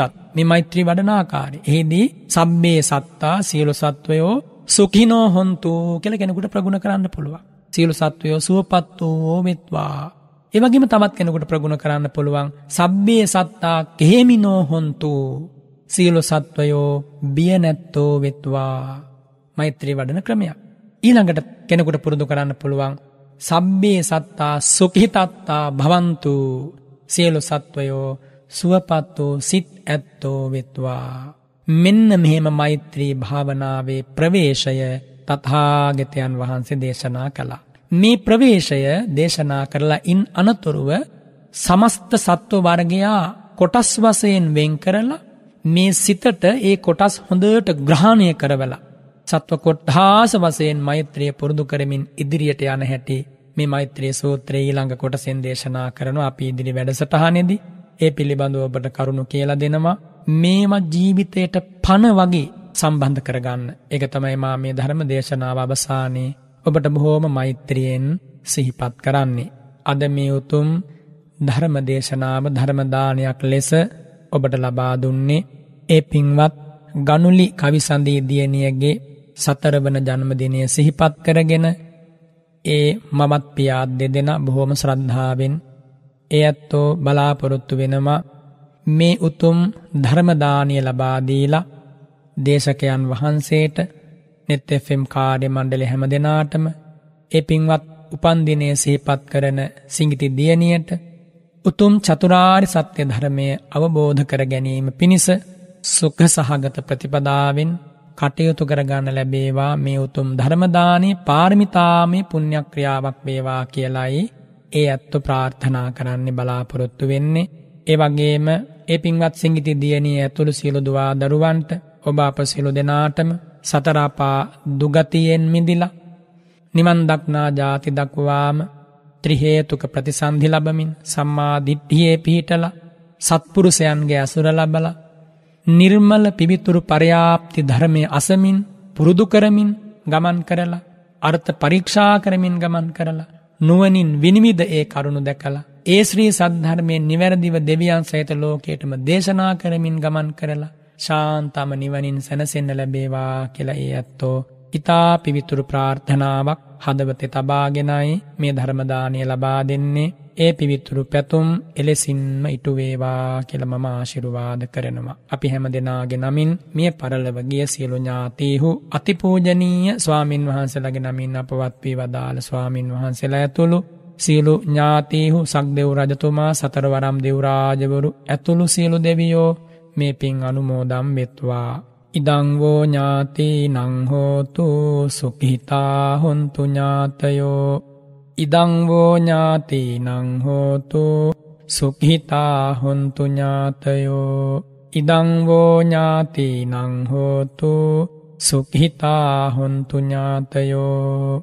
ආකාසට්හාච බුම්මට්හා දේවානාගා මහිද්දිකා පුඤ්ඤන්තං අනුමෝදිත්වා චිරංරක් කන්තු සම්බුද්ධ ශාසනං. මේ උතුම් ශ්‍රී සද්ධර්මශ්‍රවණයෙන් හැම දෙනාගේ ජීවිත සුවපත් වෙත්වා ධර්මාවබෝධයෙන් සැනසෙත්වා. සාධු සාධු සාධු අපි නැවතත් සම්බන්ධ වෙනවා ඉරිදා සිත්නේ තසපුව සමග. ඉරිදා සිත්නේ තසපුවේ ධර්ම සාකච්ඡාවයි ආරම්භ කරන්නට සූදානම් වන්නේ. කරණීයමෙත්ත සූත්‍ර දේශනාව සති කිහිපයක් ඔබට ශ්‍රවණය කරන්නට ලැබුණා. එහි යම් යම් කාරණාවන් කරණීයමෙත්ත සූත්‍ර දේශනාවේ අන්තර්ගත කාරණාවන් ඔබට වෙන් වෙන් වශයෙන් හඳුනා ගන්නට අවබෝධයක් ලබා ගන්නට හැකි ආකාරයෙන් මේ දේශනා මාලාව තුල අපේ හැමදෙරණ හස්සේ දේශනා කරන්නට යෙදුන හොඳ අවබෝධයක් කරණීයමෙත සූත්‍ර දේශනාව පදනම් කරගෙන ඇති කරගන්නට ඔබට ඒ ඔස්සේ හැකියාවක් ලැබෙන්නට ඇති. අපි දැන් සූදානම් වෙන්නේ ඇසුරේ ගොඩනැගෙන ධර්ම සාකච්ඡාව ආරම්භ කරන්නට බෙලිහුල්ලොය සීල සමාහිත ආරණ්‍ය සේනාසන වාසී පූජනීය බලංගොඩ රාධ ස්වාමීන් වහන්සේව ඉරිදා සිත්නෙත් අසපුව ධර්ම සාකච්ඡාව වෙනුවෙන් නැවත වාරයක් බොහොම ගෞරවයෙන් নমස්කාර පූරකව පිළිගනු ලබනවා. අවසරයි ස්වාමීන් වහන්සේ. ස්වාමීන් වහන්සේ අද ධර්ම සාකච්ඡාව තුලදී කරණීයමෙත සූත්‍ර දේශනාව පාදක කරගත්තු කාරණා වගේම තවත් කාරණා කිහිපයක් ඔබ වහන්සේ ඇසුරේ මේ ධර්ම සාකච්ඡා ශ්‍රවණය කරන අපේ පින්නතුන්ට ලං කරන්නට අප බලාපොරොත්තු වෙනවා. සයන්හස දැන් මට හිතෙනවා ගිය සතියේ දේශනාව ඇසුරේ යොමු කරලා තියෙන ප්‍රශ්නයකින් අද ධර්ම සාකච්ඡාවට පිවිසුම ලබා ගත්තොත් හොඳයි කියලා ස්වාමීන් වහන්සේ. සොනස එහිදී යොමු කරලා තිබෙන අපි ගිය සතියේදී පිණ්ඩපාතය පිළිබඳවත් ඔබ වහන්සේ දේශනාවේදී සිහිපත් කළා. අද දවසේ දේශනාව තුලත් පිණ්ඩපාතයට සම්බන්ධ කාරණා ඉස්මතු කරන්නට යෙදුණා. සොනස පිණ්ඩපාතයේ අනු සිංගමන් යදීමක්. එය භික්ෂුවක් භික්ෂුවකගේ ප්‍රධාන කාර්යයක් නම් එහි සීමාවක් තිබෙනවද කියලා අපට අහලා තිබෙනවා ස්වාමීන් වහන්සේ. මම හිතන්නේ මේකට හේතුව ඔහු සඳහන් කරලා තිබෙන්නේ ඉර අවරට ගිය අවස්ථාවලදී කඩපිල් අසල පිණ්ඩපාතයේ දෙන ස්වාමීන් වහන්සේලා අප දැක තිබෙනවා. එවැනි පිණ්ඩපාතයේ යෙදීමක් සිදු කළ හැකිද? මේ කාරණාව පිළිබඳව තමයි ස්වාමීන් වහන්සේ අපට යොමු කරලා තිබෙන පැනේ සඳහන් වෙන්නේ පිණ්ඩපාතයේ පිළිබඳ සිහිපත් කරපු නිසා දේශනාවේදී වගේම ගිය සති දේශනාවේදී මා ආරම්භයේදී මේ සම්බන්ධව ඔබ වහන්සේගෙන් දැනගන්නට කැමති අවසරයි ස්වාමීන් වහන්සේ.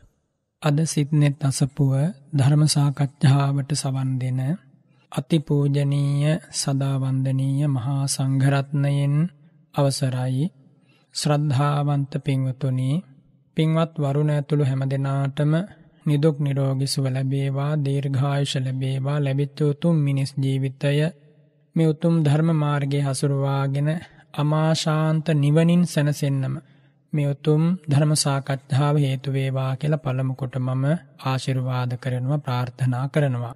පින්වත් වරුණ බුදුරජාණන් වහන්සේ ස්වාමින් වහන්සේලාගේ දිවි පැවැත්ම උදෙසා ස්වාමින් වහන්සේලාගේ ජීවනෝපාය ලෙස වදාළෙ කුමක්ද පිණ්ඩපාත භෝජනය. එතකොට මේ පිණ්ඩපාත භෝජනය බුදුරජාණන් වහන්සේ වදාළේ කුමන අර්ථයකටද පැවිදි ජීවිතයේ ගුණධර්ම පිරීම සඳහා. ස්වාමින් වහන්සේ කෙනෙකුට වරුණ මිල මුදල් හම්බ කරගෙන හෝ වෙන යම් ආකාරයකින් හෝ තමන් උපයාගෙන අනුභව කිරීම සපුරා ශාසන විනයේ තහනම්. හැබැයි ස්වාමින් වහන්සේ කෙනෙකුට කවුරු හරි සදැහැතියෙක් පූජා කරන කාලෙහි පූජා කරන සක්කච්ඡකාරීව හෝ එසේ නොවී පූජා කරන කැපසරු පරිෂ්කාරයක් ලබා ගැනීමේ ළඟ තබා ගැනීමේ සහ පරිභෝජනය කිරීමේ අයිතිය තථාගතයන් වහන්සේ ලබා දීලා තියෙනවා මහා කරුණාවෙන්. එතකොට පිණ්ඩපාත භෝජනය විශේෂයෙන් පිණ්ඩපාතයේ යැපීම පිණ්ඩපාත චර්යාව කියන එක ගෞරවනීය චර්යාවක්. ඒ වගේම භාග්‍යතුන් වහන්සේ දේශනා කරනවා අන්තමිදම් භික්කවේ මහණෙනි මේ ජීවිකාවන් අතුරින් තියෙන අන්තම ජීවිකාව තමයි මේ පිණ්ඩපාතේ නැත්නම් මේ සිඟා යෑම. ලෝකේ කියන්නේ මිනිස්සු යම් අවස්ථාවකදී යමෙකුට ශාප කරන්න අවශ්‍ය නම් ඔබට සිඟා කන ලැබේවා කියලා ශාප කරනවා කියලා බුදුරජාණන් වහන්සේ දේශනා කරනවා. ලෝකෙ මිනිසුන්ගේ කියමනක් ඒක. ඒක තමයි ශාප කිරීම. අන්න ඒ වගේ එබඳු අන්ත ජීවිකාව එක පැත්තකින් ගත්තොත් මේක සිඟා යෑමක්. ඒක ඇත්ත. ඒක තථාගතයන් වහන්සේ දේශනා කරනවා. හැබැයි ඒ සිඟා යන ජීවිතය කුමක් උදෙසාද තථාගතයන් වහන්සේ අනුදැන වදාරේ. අන්න ඒකයි මම මුලින්ම ඔබට සිහිපත් කළ දුන්නේ මේ උතුම් පින්ඩපාත යැපීම් ක්‍රමය ශාසනගත භික්ෂුවගේ දිවි පැවැත්මයි එය කුමක් උදෙසාද ඉලක්ක වන්නේ ධර්මාවබෝධය උදෙසා පිළිවෙත් පිරීම සඳහාමයි ඉලක්ක වන්නේ.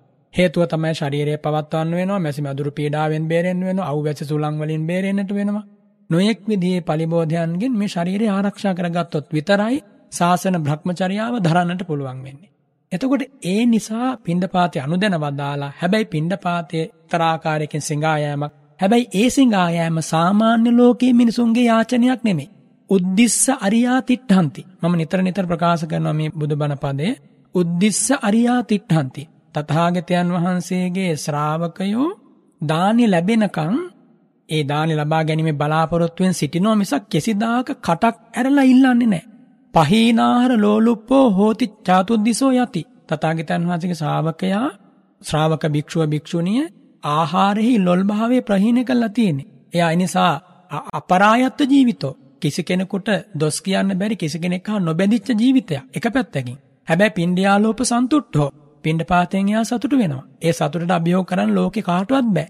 විනෝදේති කෝසජ්ජං ඒ ඒ චාරිකාව තුල එයා කම්මැලිකම දුරු කරනවා. ආජීවස්ස විසුද්ධ්‍යති තමන්ගේ ජීවිත පැවැත්ම යා රැක ගන්නවා. තස්මාහි නාතිමඤ්ඤය භික්ඛාචරියන් සුමේධසෝ.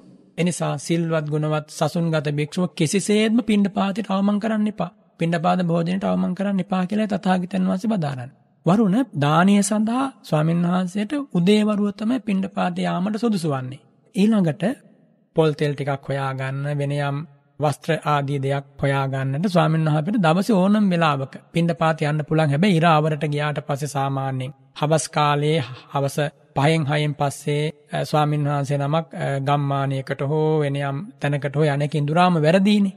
ඒ වගේම වරුණ මේ පින්ඩපාතය වඩින ස්වාමීන් වහන්සේ දකින දකින කෙනාගේ හිතේ පැහැදීමකට බඳුන් වෙනවා. එයා අනේ මේ යාචකයෙක්නේ අනේ මේ හිඟන්නෙක් ඇවිල්ලානේ කියන తත්වය උන්වහන්සේට ඒ වගේ තත්වයකින් උන්වහන්සේ දෙස බලන්න කිසි කෙනෙක් සුදුසු නැහැ. එසේ නොබැලිය යුතුයි. එතකොට එහෙම දැන් ස්වාමීන් වහන්සේ කෙනෙක් පින්ඩපාතෙන් වඩිනකොට වරුණ දෙවුර වහගෙන යුගමත්ත දස්සාවි බඹයක් පමණ දුර බලාගෙන ශාන්ත ඉරියව්වෙන් වඩිනකොට බලන් ඉන්න ආසයි. දකින්න ඕන කෙනෙකුගේ හිත නිමෙනවා. එහෙම නැතුව මේ සිවුර හුලඟට යන ගමන් සිවුර කරේ දාගෙන තව මොකක් හරි මල්ලක් උරේ එල්ලගෙන පාත්‍රයක් මේ අතට අරගෙන එහෙම එකක් නෙමෙයි වරුණ පින්ඩපාත චාරිකාව කියන්නේ. ඉතින් ඒ නිසා ශ්‍රමණ ප්‍රතිරූපක තියෙනවනේ ලෝකේ. කවදක් කොයි කාලෙත්. එතකොට ශ්‍රමණ ප්‍රතිරූපකවල හැසිරීමට සසුන්ගත භික්ෂුව හෝ සාසන ප්‍රතිපදාව හෝ තෙරුවන් වහන්සේලා වග කියන්නේ නැහැ. එනිසා පින්ඩ පාතයක වඩින්න ස්වාමීන් වහන්සේ කෙනෙකුට තියෙනවා පින්ඩ පාත වතක්. ඒකට කියන පින්ඩචාරික වත කියලා. ඒ වගේ මේ ස්වාමීන් වහන්සේ තියෙනවා සාරාණීය කියලා තව වතක්. ඊළඟට තව වතක් තියෙනවා භත්තක්ක වත කියලා. ගතපච්චාගත වත කියලා තියෙනවා. මේ ඔක්කොම ටික පින්ඩ පාත චාරිකා හාබා බැඳිලා තියෙන්නේ. මුළුමනින්ම වරුණ පින්ඩ පාත චාරිකාව කියන්නේ කර්මස්ථාන වැඩීමක් සක්මන් භාවනාවක්. සොනහස මට අවසර මේ සම්බන්ධව මම තව යම් කාරණාවක් එකතු කරන්නට කැමති ඔබ වහන්සේගෙන් දැන ගැනීම උදෙසා ස්වාමීන් වහන්සේ දැන් එතකොට අපි දකිනවා මාර්ගවල ප්‍රධාන පාරවල් වල සහ ජනතාව ගැවසෙන ස්ථානවල බුද්ධ ප්‍රතිමා වහන්සේ නමක් තබාගෙන එහෙම නැත්නම් චෛත්‍ය රාජනන් වහන්සේ නමකගේ කොත් වහන්සේ නමක් තබාගෙන වාහනයක තබාගෙන මුදල් එකතු කරන ස්වාමීන් වහන්සේලා ඇතැම් වෙලාවට අපි දකිනවා. මේ මේ කාරණාව විනය විරෝධීද ස්වාමීන් වහන්සේ මේ සීලයට හානියක්ද භික්ෂුන් වහන්සේට හානියක්ද විනය සම්බන්ධව යම් ආකාරයකට භික්ෂුන් වහන්සේ ක්‍රියා නොකළ යුතු කාරණාවක්ද මේ වගේ අවස්ථාවලදී උන්වහන්සේලා සිදු කරන්නේ? වරුණ මේ ධර්ම සාකච්ඡාවල සවන් දෙන ස්වාමින් වහන්සේලා ඉන්නවනේ. ඒ ස්වාමීන් වහන්සේලා බොහොම ධර්මකාමී ස්වාමින් වහන්සේලා. ඒ වගේම ශාසනයේ බුදුසසුනේ චිරපැවැත්ම අපි කවුරුත් බලාපොරොත්තු වෙනවනේ. එනිසා අපි හැමෝම මේ බුදු සසුනට ඇවිල්ලා බුදු සසුනෙන් සැනසීමක් බලාපොරොත්තු වන සත්පුරුෂයෝ විය යුතුයි. ශාසන ප්‍රතිපදාව කොතනක හෝ දියාරු වෙනවා නම් පස්සට යනවා නම් අපේ වගකීමක් තියෙනවා එසේ නොවන්නට කටයුතු කිරීමට. වරුණ පෙර ප්‍රශ්නේදී හැවුවේ භික්ෂුවක් ඒ විදිහට විකාලයේ නුසුසු තැන්වල කඩපිල්වල එහෙම හැසිරෙන එක හරිද කියලානේ. ඒක සම්පූර්ණයෙන් වැරදි. ඒක ඉඳුරාම වැරදි. ඒක ඍජු පිළිතුර ඒකයි ඒක ඉඳුරාම වැරදි. හැබැයි ඒ වගේ තැනකට ස්වාමින් වහන්සේ කෙනෙකුට යන්න අවස්ථාවක් කුමක් හෝ යෙදෙන්න පුළුවන්. ස්වාමීන් වහන්සේ කෙනෙකුට මේ මහා පොළොවේ ඕන තැනකට යන්න පුළුවන්. නමුත් අගෝචරේ හැසිරෙන්න බෑ. එතකොට ඒ වගේ නොසුදුසු තැන්වලට ස්වාමීන් වහන්සේලා වඩින එක ඉඳුරාම වැරදි. ඇත්තටම වරුණ ඒ වගේ තැනකට ගියොත් සිතේ අසංවරයක් ඇති වෙන්නට පුළුවන්. එතකොට කෙනෙක් ප්‍රශ්නයක් අය ඔබ වහන්සේලා රකින්න සීලෙන් වැඩක් තියනවද මේ වගේ තත්වයකට මුහුණ දෙන්න බෑ නම් කියලා. වරුණ මේ ප්‍රතිපදාව හරියට කරලා බලන්නට ඕනේ කොච්චර අභියෝග එනවද කියලා. හරියට කෙලසුන් සංසිඳ බලා මේ වැඩ පිළිවෙල ඉස්සරහට ගිහලා සෝතාපන්න වෙනකන් යන්න එපා කියලා මම පුද්ගලිකව ප්‍රකාශ කරනවා වරුණ. ඒක මගේ පුද්ගලික ප්‍රකාශයක්. එතනින් පස්සේ ඕන තැනකට යන්න පුළුවන්. කිසි වෙනසක් ඇති වෙන්නේ එයාගේ හදවතේ. සෝතාපන්න වෙනකම් පරිස්සම් වෙන්නට ඕන. වරුණ. ඊට පස්සේ ස්වාමීන් වහන්සේ කෙනෙකුට ඕනම තැනක ඕන තැනක යන්න පුළුවන්. දිව්‍ය ලෝකයකට ඕයි නම් එහෙම බ්‍රහ්ම ලෝකයකට ඕයි නම් එහෙම මනුස්ස ලෝකෙත් ඕන තැනකට. ඒ වුණත් ආර්යයන් වහන්සේලා අගෝචරී හැසිරෙන්නේ නැහැ කිසිම දාක්. ඒ වගේම වරුණ බුදුරජාණන් වහන්සේගේ ශ්‍රාවක මහා සංඝරත්නය කිසිදාක අකැප දෙයක් සොයා පිණ්ඩපාතේ ගියේ නැහැ. අකැප නිමන්ත්‍රණයක් කළේ නැහැ. භික්ෂුවකට යම අකැපයි කියලා තථාගතයන් වහන්සේ දේශනා කරා නම් දිවි හිමියෙන් ඒ දේ ඉල්ලන්න ගියේ නැහැ. කොතක් වේවා වරුණ පිළිම වහන්සේ නමක් වේවා වෙන යම් දෙයක් වේවා තබාගෙන භික්ෂුන් වහන්සේලා ටිකක් ඕකේ නැගලා යන්නේක මොනතරම් අශෝභනද? මොනතරම් නොසරුබ්ද දකින්න කාගේ හිතද පහදින්නේ? ස්වාමීන් වහන්සේලා කියන්නේ එහෙම යදින පිරිසක් නෙමෙයි. හැබැයි ස්වාමීන් වහන්සේලා කරන්නේ සමහර විට සත්පුරුෂ චේතනාවෙන් වෙන්න පුළුවන්. තමන්ගේ පන්සල හදාගෙන චෛත්‍ය හදාගන්න. බුදුමැදුර හදා ගැනීම පිවිතුරු චේතනාවෙන් කරනවා වෙන්නත් පුළුවන් වරුණ. එක හෙලාම ඒ අයට දොස් කියන එක නෙමෙයි මේ කරන්නේ. ගිහියත්ෝ ඉන්නවනේ. ගිහියත්ෝ ඒ සඳහා සැදී පැහැදී කටයුතු කළ යුතුයි ස්වාමින් වහන්සේලාට ඒ විදිහට යමක් ඉල්ලගෙන පාරට බහින්න වැඩ නොකර. ඒක තමයි සැදැහැති ගිහියන්ගේ ලක්ෂණය. භික්ෂුව දක්ෂ වෙන්නට ඕන. එබඳු යාචනයකට ඉදිරිපත් නොවි දායක මණ්ඩලයක් ඉන්නවා දායක ඇත්තුන ඒ අත්තු යොමු කරලා මේ මේ බුදුමැදුර හදන්න මේ චෛත්‍ය රාජන් වහන්සේ හදන්න අපිට යම් ආධාරයක් අවශ්‍ය වෙනවා. නුඹලා කැපසරුප් ආකාරයෙන් මේ ජන සමාජයෙන් ඒක ලබා ගන්න. මම අවසර දෙනවා. එහෙම කියන එක වැරද්දක් නෑ නේ ස්වාමීන් වහන්සේ කෙනෙකුට. හැබැයි ස්වාමීන් වහන්සේ කෙනෙක් ඍජුව හෝ වක්‍රාකාරයෙන් හෝ ඉල්ලීමට, යැදීමට, මිල මුදල් ලබා ගැනීමට අවසර නොදිය යුතුයි. ස්වාමීන් වහන්සේ කෙනෙකුගේ ඒ කාරණේ ඒ ආකාරයෙන්ම රැකෙන්නට ඕන. ගිහියත් උදක්ෂ වෙන්නට මේ ප්‍රතිපදාව තුළ ස්වාමින් වහන්සේලාගේ සිල්ගුණ ආරක්ෂා කරන්න උන්වහන්සේලාට අවශ්‍ය කරන උපරිම ශක්තිය ලබා දෙන්න. තමන්ගේ භූමිකාව හරියට හඳුනා ඉෂ්ට කරන්න. ස්වාමින් වහන්සේ කෙනෙකුගෙන් මේ ජන සමාජයට වෙන්න ඕනි මොකක්ද වරුණ? ස්වාමින් වහන්සේ නමකගේ මේ ජන සමාජයට විය යුතු එකම දේ තමයි ස්වාමින් වහන්සේට බුදුරජාණන් වහන්සේ බාර දීපු සීලය දිවි දෙවනි කොට ආරක්ෂා කරගනිමින් සමත විදර්ශනා භාවනා කරමින් පුරුදු කරන ඒ දහම විකෘතියක් කරන්නේ නැතිව ඒ ආකාරයෙන්ම දේශනා කිරීම. ඒක තමයි ස්වාමීන් වහන්සේ කෙනෙකුගෙන් වෙන දේ. ආමිසයෙන් අපිට ගියත් උපකාර කරන අපි ධර්ම දානය ලබා දෙන. එතනින් එහා ගියපු දේවල් වරුණ ස්වාමීන් වහන්සේ කෙනෙකුට අදාළ නැහැ. එතකොට දැන් ස්වාමීන් වහන්සේලාට ඇතැම් විට වරුණ මේවා කරන්න හේතු වෙන කරුණු තියෙනවා. සමහර ප්‍රදේශවල හරියට දාන වේලක් නොලැබෙනකොට, නොයෙක් ප්‍රශ්න එනකොට, සමහරට ගියත්තන්ට කියපම් මේවා සලකන්නේ නැත්නම්. ඒ වගේ අවස්ථාවල ස්වාමීන් වහන්සේලා අර වගේ මිත්‍යා ආජීවයකට බසිනා වෙන්න පුළුවන්. නමුත් මොනම හේතුවකින්වත් එසේ නොබැසිය යුතුයි. ඒක එහෙමමයි. ඒ වගේම ගිහියත් අතට මෙතන ප්‍රබල වගකීමක් තියෙනවා. වරුණ ඉස්සෙල්ලාම ගමේ පන්සලේ ඉන්න ස්වාමින් වහන්සේ. ඒ ගමේ පන්සල අපි හැම දෙනාටම වරුණ පුද්ගලිකව වරුණ මට මේ අරණ්‍ය සේනාසනෙට ඇවිල්ලා පැවිදි වෙන්නත් ගමේ පන්සලේ ලොකු ස්වාමින් වහන්සේ තමයි හේතු වෙන්නේ. එතකොට පන්සල අමතක කළා පන්සලේ ඉන්න ස්වාමින් වහන්සේ අමතක කරලා මේ වැඩේ එහෙම කරන්න බෑ වරුණ. කවුරුන් හෝ කෙනෙක් පන්සලට පහර ගහනවා නම් ඒ ස්වාමීන් වහන්සේට පහර ගහනවා නම් එතන ඇති සත්පුරුෂකමක් නැහැ. ගමයි පන්සලයි වැවයි දාග බෑ කියලා ඒ කාලේ කිව්වේ. එහෙම නැත්නම් ගමයි ආරණ්‍ය වැවයි දාග බෑ කියලා නෙමෙයි. එනිසා මම අරණ්‍යගත භික්ෂුවක් වරුණ ඒක ඇත්ත. හැබැයි මම කිසිදාක මේ කිසිම ස්වාමීන් වහන්සේ කෙනෙකුට ගිහියෙක් වේවා පැවිද්දෙක් වේවා කටක් කරලා බනිනවට විවේචනය කරනවට මම කැමති නැහැ. බුදුරජාණන් වහන්සේගේ ශ්‍රාවකයෝ කියන්නේ කිරිදිය වගේ මිශ්‍ර වෙලා ඉන්න ඕනේ පිරිසක්. සුඛා සංඝස සාමග්ගී සංඝයාගේ සමගිය සපතක්. වරුණ මේ කාරණා ටික සමස්තයක් හැටියට ජීවිතවලට සම්බන්ධ වෙනකොට ඔය වැරදි පුරුදු වැරදි ගවේෂණයන් අනේෂණයන් මෙම දුර වෙලා යනවා. ස්වාමින් වහන්සේ කෙනෙක් කියන්නේ පූජනීය වස්තුවක් මේ මහ පොළවේ ඉන්න. දෙපයින් ඇවිදගෙන යන. උන්වහන්සේ චෛත්‍ය ස්ථානයක්. මේ අගු පිල්වල කඩ පිල්වල පාත්‍ර එල්ලගෙන මළු වෙල්ලගෙන යන්න ඕන කෙනෙක් නෙමෙයි. එතකොට එහෙම කවුරු හරි කෙනෙක් කටයුතු කරනවා නම් සාසනික විනයක් තියෙනවා වැඩිහිටි ස්වාමීන් වහන්සේලාගේ වගකීමක් තියෙනවා. ශාසන භාරකාරී උතුමන් වහන්සේලාගේ සෙවීමක් බැලීමක් අවශ්‍යයි. ඒ බඳු තාන්ත්‍රණයක් තුළ ඒ බඳු ශ්‍රමණ ප්‍රතිරූපක ශාසන ප්‍රතිපදාවෙම ඉවත් කරනවා. ඒ වගේ කෙනෙක් Taman තනියෙන් සිවුර පොරවගෙන ඉන්නවා වෙන්න පුළුවන්. ජීවනෝපායක් පිණිස කටයුතු කරනවා වෙන්න පුළුවන්. ඒවා සොයා බලා කටයුතු කිරීමට ගිහි පැවිදි දෙපිරිසම බැඳලා ඉන්නවා. බලන්නට ඕනි කවුරු හරි ස්වාමීන් වහන්සේ නමක් නොකල්හි කඩපිලක හෝ අගුපිලක හෝ අසාරුප්‍ය ආකාරයෙන් හැසිරෙනවා නම් වහා සොයා බැලිය යුතුයි. සොයා බලන්නේ උන්වහන්සේ නිසා මේ කසාවතක් දරාගෙන ඉන්න මේ ශාසන ප්‍රතිපදාවට මහා නින්දාවක් ඇති වෙන්නට පුළුවන්. එනිසා එහිදී අපි විමසා බලා කටයුතු කරන්නට ඕනි ස්වාමීන් වහන්සේලාත් එමය ගිහියත්ොත් එහෙමයි. එසේ කරන්නට තරම් දැනුමක් අපි සතුව තිබිය යුතුයි වරුණ. ඒ වගේම ඉරිසියාවෙන් කුහකකමින් උන්වහන්සේලා විවේචනය කරන්න නෙමෙයි. ඉතින් ඒ නිසා මේ කාලයේ ඇති පසුබිම ස්වභාවය ඔබත් දන්නවා මාත් දන්නවනේ වරුණ. ඉතින් ඒ නිසා අපි බොහොම දක්ෂ වෙමින් බොහොම කරුණාබර සිතුවිලි ඇති කරගෙන මුදිතාබර සිතුවිලි ඇති කරගෙන පළමු කොට තමා ධර්මයේ පිළිලා අන් අය ධර්මයේ පිහිටුවන්නට ගිහි පැවිදි අපි දෙපිරිසම බැඳලා ඉන්නවා. එහෙම වුණාට පස්සේ ඔය අනිත් අය හිඟා කනවා වගේ ස්වාමීන් වහන්සේලාට සිංගමන් යදින්න අවශ්‍ය නැහැ. අවශ්‍ය කරන හැමදේම ගිහියත් ඔගෙනලා පූජා කරනවා. ප්‍රතිපදාව ශක්තිමත් නම් සියල්ල ලැබෙනවා. ඒකට සැකයක් නැහැ, විතර්කයක් නැහැ. ප්‍රතිපදාවේ අඩුවක් තිබ්බොත් හිඟා කන්න සිද්ධ වෙනවා වරුණ. ඒක තමයි ඇත්ත. දැන් වරුණ බුදුරජාණන් වහන්සේ දේශනා කරනවානේ ඉද ගහපතයෝ සීලවා සීල සම්පන්නෝ අපමාධාදි කරනම් මහන්තම් භෝගක්කන්දන් අධිගච්ඡති කියලා.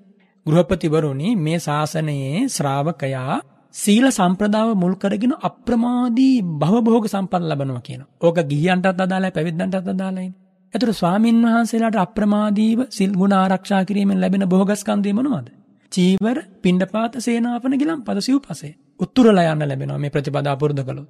මොහොතක් දවසකට මොහොතක් මෙත්සිත වැඩුවද අපි මෛත්‍රී භාවනාව ගැන කතා කරගෙන බරුණ. උදෑසන කාලේ අවදි වෙලා ස්වාමින් වහන්සේ නමක් තථාගත සිරිපා බියස මලින් පහන් සුවඳින් පූජා කළ පරියන්කයක් බැඳගෙන මිනිත්තු 20ක් 25ක් අවම වශයෙන් මෙත් සිත වැඩුවනම් හොඳට දාන වේලක් ළඟටම ගෙනහැල් දෙවි මිනිස්සු. ඒ වගේම සිවුරු ඕන වෙලාවට සිවුරු ටික ලැබෙනවා. සෙසු ගමන් පහසුකම් ඔය නම් ඒ දේවල් ගිහියත්ව ලබා දෙනවා. මේ ධර්මයේ ආශ්චර්යය බුදුරජාණන් වහන්සේගේ සාරාංශක කල්පලක්ෂයක පාරමී ශක්තියට නිවරුණ මේ හැමදේම ලැබෙන්නේ. නැත්තම් අපිට මේ පුද්ගලික වශයෙන් ඇති හැකියාවකට ලැබෙනවා නෙවෙයිනේ.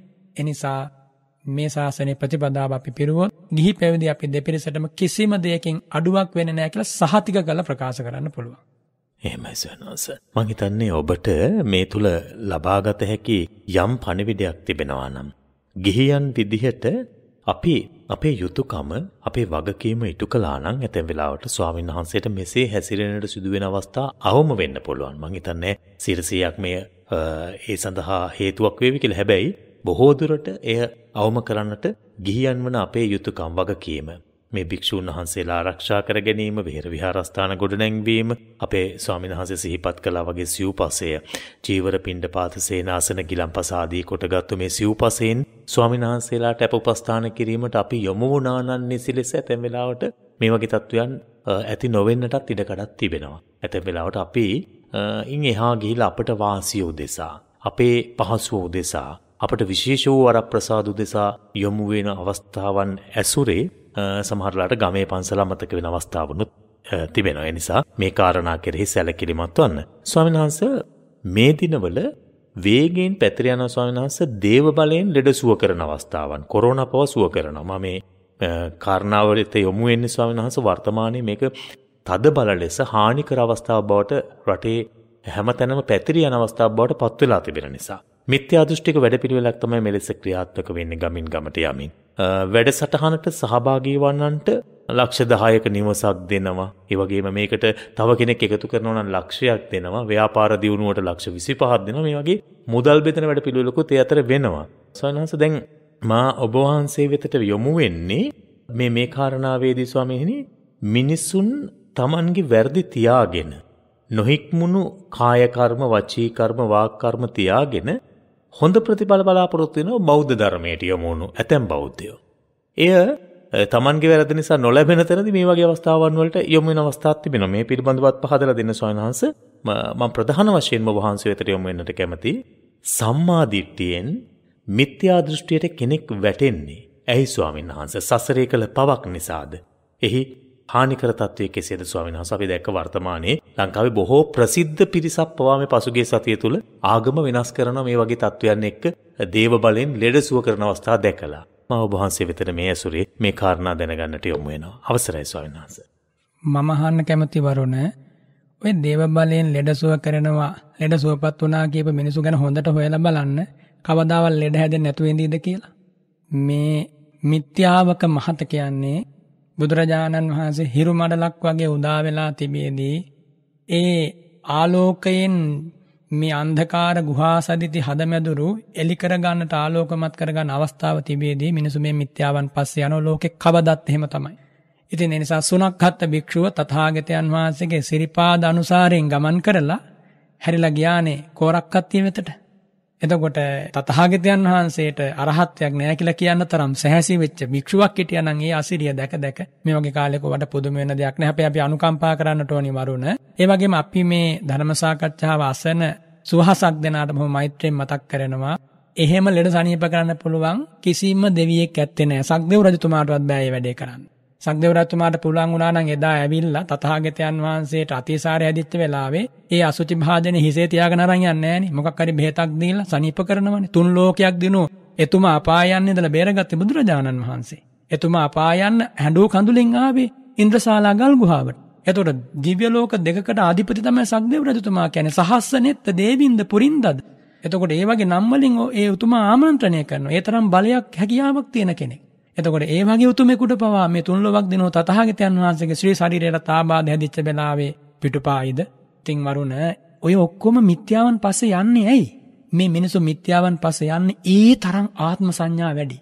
මරණ සංඥා වැඩිලා නැහැ. ආදීනව සංඥා වැඩිලා නැහැ. අනිත්‍ය සංඥා වැඩිලා නැහැ. දුක්ඛ සංඥා වැඩිලා නැහැ. දස සංඥා වැඩිලා නැහැ. ඉතින් මිනිසෙකුගේ ජීවිතයේ යථාභූත ඥාන දර්ශනය පහළවන්නට තුඩු දෙන විදිය චින්තනයක් නැත්තම් හෙම්බිරිසාවක් ඇදිච්ච ගම යදිනව හැර වෙන මොකද්ද කරන්න තියෙන වරුණ? මේ මිනිසුන්ට අනුකම්පා කරන්න. අනේ සුවපත් වේවා කියලා ප්‍රාර්ථනා කරන්න. ඒවට අහු වෙන්න එපා. මේ මේ ඇත්තෝ මේ වහගෙන ඉන්න ඇත්තෝ ගෙයක් දොරක් නෙමෙයි, ටකරමක් නෙමෙයි මොනවා දුන්නා. මේ රටේ රජකම දුන්නා. මුළු ලෝකෙම රජකම දුන්නත් මට බුදුරජාණන් වහන්සේගේ පාසෙ වන සැපයි කියලා ඒවට පිටුපාන්න. මේ සසර ගමනේ මේ ලැබිච්ච අස්සිරිමත් අවස්ථාවට පිටුපාන්න කෙනෙකුට හිතෙනවා නම් වරුණ එක පැත්තකින් අර වරුණ කිව්වා වගේ සංසාරේ කර්මෙම තමයි. අනිත් පැත්තෙන් සම්මාදිට්ඨියේ ඉඳන් මිත්‍යා දෘෂ්ටියට යනවා කියලා එකක් කවදාවත් වරුණු සිද්ධ වෙන්නේ නැහැ ආර්ය ශ්‍රාවකයෙකුගේ. සම්මාදිට්ඨියේ තියෙනවා ලෞකික සම්මාදිට්ඨිය ලෝකෝත්තර සම්මාදිට්ඨිය කියලා. ලෝකෝත්තර සම්මාදිට්ඨිය කියන්නේ මාර්ගඵල සිත්වල යෙදෙන ප්‍රඥාවට. ඒක කිසිසේත්ම වෙනස් වෙන්නේ නැහැ. ඒක මොන්නම හේතුවකින්වත් වරුණ වෙනස් වෙන්නේ නැහැ. හැබැයි එතනින් මෙහා දැන් කම්මසගත සම්මාදිට්ඨිය යම් පමණක පිහිටලා කටයුතු කරගෙන යන කෙනෙකුට අසත්පුරුෂ අසුරක් ලැබුණා කියලා හිතන්න. අන්නේ වගේ අවස්ථාවක දැන් මෙයා ස්ථිර ලෙස ධර්ම මාර්ගයේ පිහිටලා නැහැනේ තාම.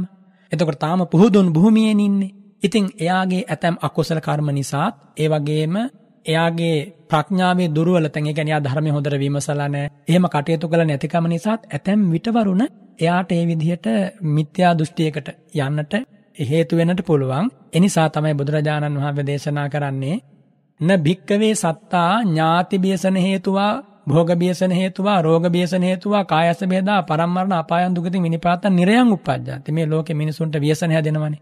දැන් වරුණ කතා කරේ ව්‍යසන වලට දුරු දෙන මිනිස්සු කරන වැරදි දේවල් ගැනනේ. එතකොට ඥාතින් නැති වෙනවා රෝග ඇති වෙනවා. ඒ වගේම භෝග විනාශ වෙනවා. ඒ වගේම මේ ව්‍යසන පහක් තියෙනවා. ඥාති ව්‍යසන භෝග ව්‍යසන රෝග ව්‍යසන සීල ව්‍යසන ditthi ව්‍යසන කියලා. ව්‍යසනය කියලා කියන එක මොකක්ද කියලා වරුණ තේරෙනවනේ. ආයි කියන්න දෙයක් නැහැ නේ. ව්‍යසනයක් කියන්නේ මොකක්ද කියලා විපතක්නේ එතකොට Tamanගේ ඥාතීන් අහිමි වෙලා රෝග හැදිලා තිබ්බ දේ අහිමි වෙලා මහා පාරට වැටෙන තත්වයට මිනිස්සෙක් එන්න පුළුවන්.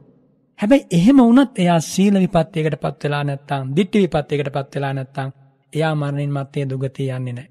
භාග්‍යවතුන් වහන්සේ දේශනා කරන සීල සම්පදා හේතුවා භික්කවේ සත්තා, ditthi සම්පදා හේතුවා සත්තා, කායස බේදා පරම්මරණ සුගතින් සග්ගන් ලෝකං උපපජ්ජති. මහණනි යම් කෙනෙකුගේ සීල සම්පත්තිය මොන දේ නැති වුණත් එයා රැකගෙන තියෙනවනම් වරුණ රකින්න පුළුවන් දෙයක් නේ. භවභෝග රකින්න බෑ. ඥාතීන් රකින්න බෑ. වෙන යම් දේවල් තියෙනවා නම් ඒව රකින්නට බෑ. හැබැයි මේ සීලය කියන සම්පදාව රකින්නට පුළුවන්. දිට්ඨිය කියන්නේ පිරිසුදු ඥාන දර්ශනය සම්මා දිට්ඨිය. එතකොට මේ සම්මා දිට්ඨිය රැක ගන්නට ඕනි වර්ණ සෝතාපන්න වෙනකම්. එතනින් එයා අමුතුවෙන් රකින්න දෙයක් නෑ. කල්යාණ මිත්‍රයාගේ අසුර ලබාගෙන සම්මා දිට්ඨිය ආරක්ෂා වන විදිහේ වැඩපිළිවෙලක එයා හික්මෙන්නට ඕනි. එහෙම නැත්නම් මේ පුහුදුන් මනසේ ස්වභාවය තමයි ත්‍රිලක්ෂණාවබෝධය සෝතාපන්න මාර්ගයෙන් සිද්ධ වෙන කම්ම විවිධාකාර මිසදිටුවන් වලට අහුවෙන්න පුළුවන්. සාමාන්‍ය කෙනෙක් නෙමෙයි. සාමාන්‍ය මිනිස්සෙක් ගැන නෙමෙයි මේ කතා කරන්නේ. සමහර විට මේ සසර ගමනේ බොහෝ පාරමී ධර්ම පුරලා තියෙන උතුමෙක් වුණත් අසත්පුරුෂ ඇසුරට වැටුනොතින් ඒ විදිහට සිද්ධ වෙන්නට පුළුවන්. එනිසා අපි හැම වෙලාවකම දක්ෂ වෙන්නට ඕනි ලැබිච්ච උපරිම සම්පත උපරිම ධනය මොකක්ද සම්මාදිට තථාගතයන් අවදේශනා කරනවා යමෙකුට ප්‍රඥා පරිහානිය සිද්ධ වෙනවා නම් ඒ හා සමාන පරිහානියක් තවත් නැහැ කියලා. ඔය වරුණ කිව්වා වගේ සම්මාදිට්ඨියක යම් පමණකට ස්පර්ශය ලැබපු කෙනෙක් මිත්‍යා දෘෂ්ටියකට යනවා කියන්නේ මේ ලෝකෙ තියෙන ලොකුම විනාශය කරගත්ත කියන එකයි වරුණ. මිනිහෙකුට දෙවියෙකුට බ්‍රහ්මයෙකුට වෙන්න පුළුවන් ලොකුම විනාශය ආයේ කරගන්නේ. ඒ මිත්‍යා දෘෂ්ටියකට පත්වීම කියන විපත්තිය වරුණ සීල විපත්තියකට වඩා භයානකයි. ඇයි එහෙම කියන්නේ? සීලේ පළු දුනොත් වරුණ හදා ගන්න පුළුවන්. සීල විපත්තියකට පත් වුණොත් කොහොම හරි ගොඩ එන්න පුළුවන්. පිරිසුදු වෙන ක්‍රමයක් තථාගතයන් වහන්සේ දේශනා කළා තියෙනවානේ. හැබැයි දිට්ඨි විපත්තියකට පත් වුණොත් එහෙම ලේසි වෙන්නේ නැහැ. හරිම අමාරු එයා සම්මා දිට්ඨිය නැවත පිහිටවන්න. මොකද එයාගේ ඇදහිීම, එයාගේ විශ්වාසය, එයාගේ විතර්ක සමුදාය, එයාගේ මනෝපවිචාරي ඔක්කොම කේන්ද්‍ර වෙන්නේ එයා ගත දෘෂ්ටියත් එක්ක. ඒතකොට කවුරු හරි කෙනෙක් විරුද්ධ වෙනවා නම් ඒ විරුද්ධවාදියත් එයාට පේන්නේ. ඒ විරුද්ධ වෙලා සම්මාදිට්ඨියට මඟ පෙන්වන කෙනාත් එයාට පේන්නේ ලෝකේ බලවත්ම සතුරා ලෙස.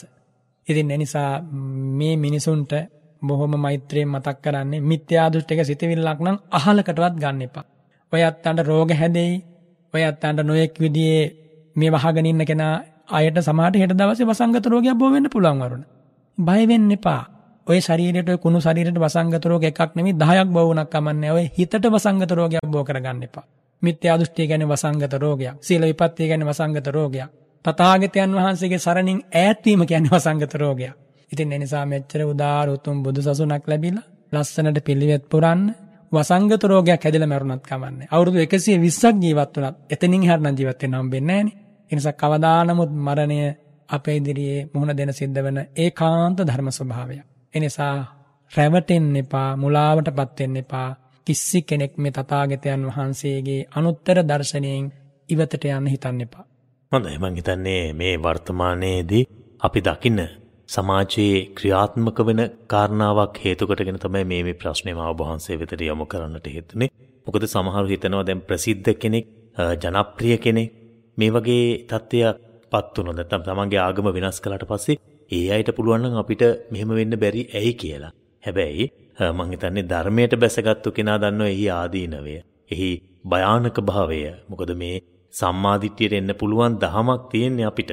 අපේ ජීවිතේ හසුරුවන්නට බොහොම වාසනාව උරගා බලන්නට ජීවිතයේ තිබෙන අවස්ථාවක් තමයි මේ මනුෂ්‍ය ජීවිතය අපිට ලැබිලා තිබෙන්නේ. එහිදී බුදුරජාණන් වහන්සේගේ ධර්මය අපිට අහන්නට ලැබිලා තිබෙන්නේ. ඉතින් එහෙම තත්ත්වයක් තිබිලා අපි අනිත් පසට යනවා නම් ඇත්තටම ඒක අර ඔබ වහන්සේ සිහිපත් කළා වගේ කර්මයම තමයි. ඒ නිසා අපේ ශ්‍රාවකයෝ මං හිතන්නේ මේ தත්වයන්ගෙන් මිදෙන්නට ඕන. මේ தත්වයන් හඳුනා ගන්නට ඕන. අවබෝධයක් ලබා ගන්නට ඕන.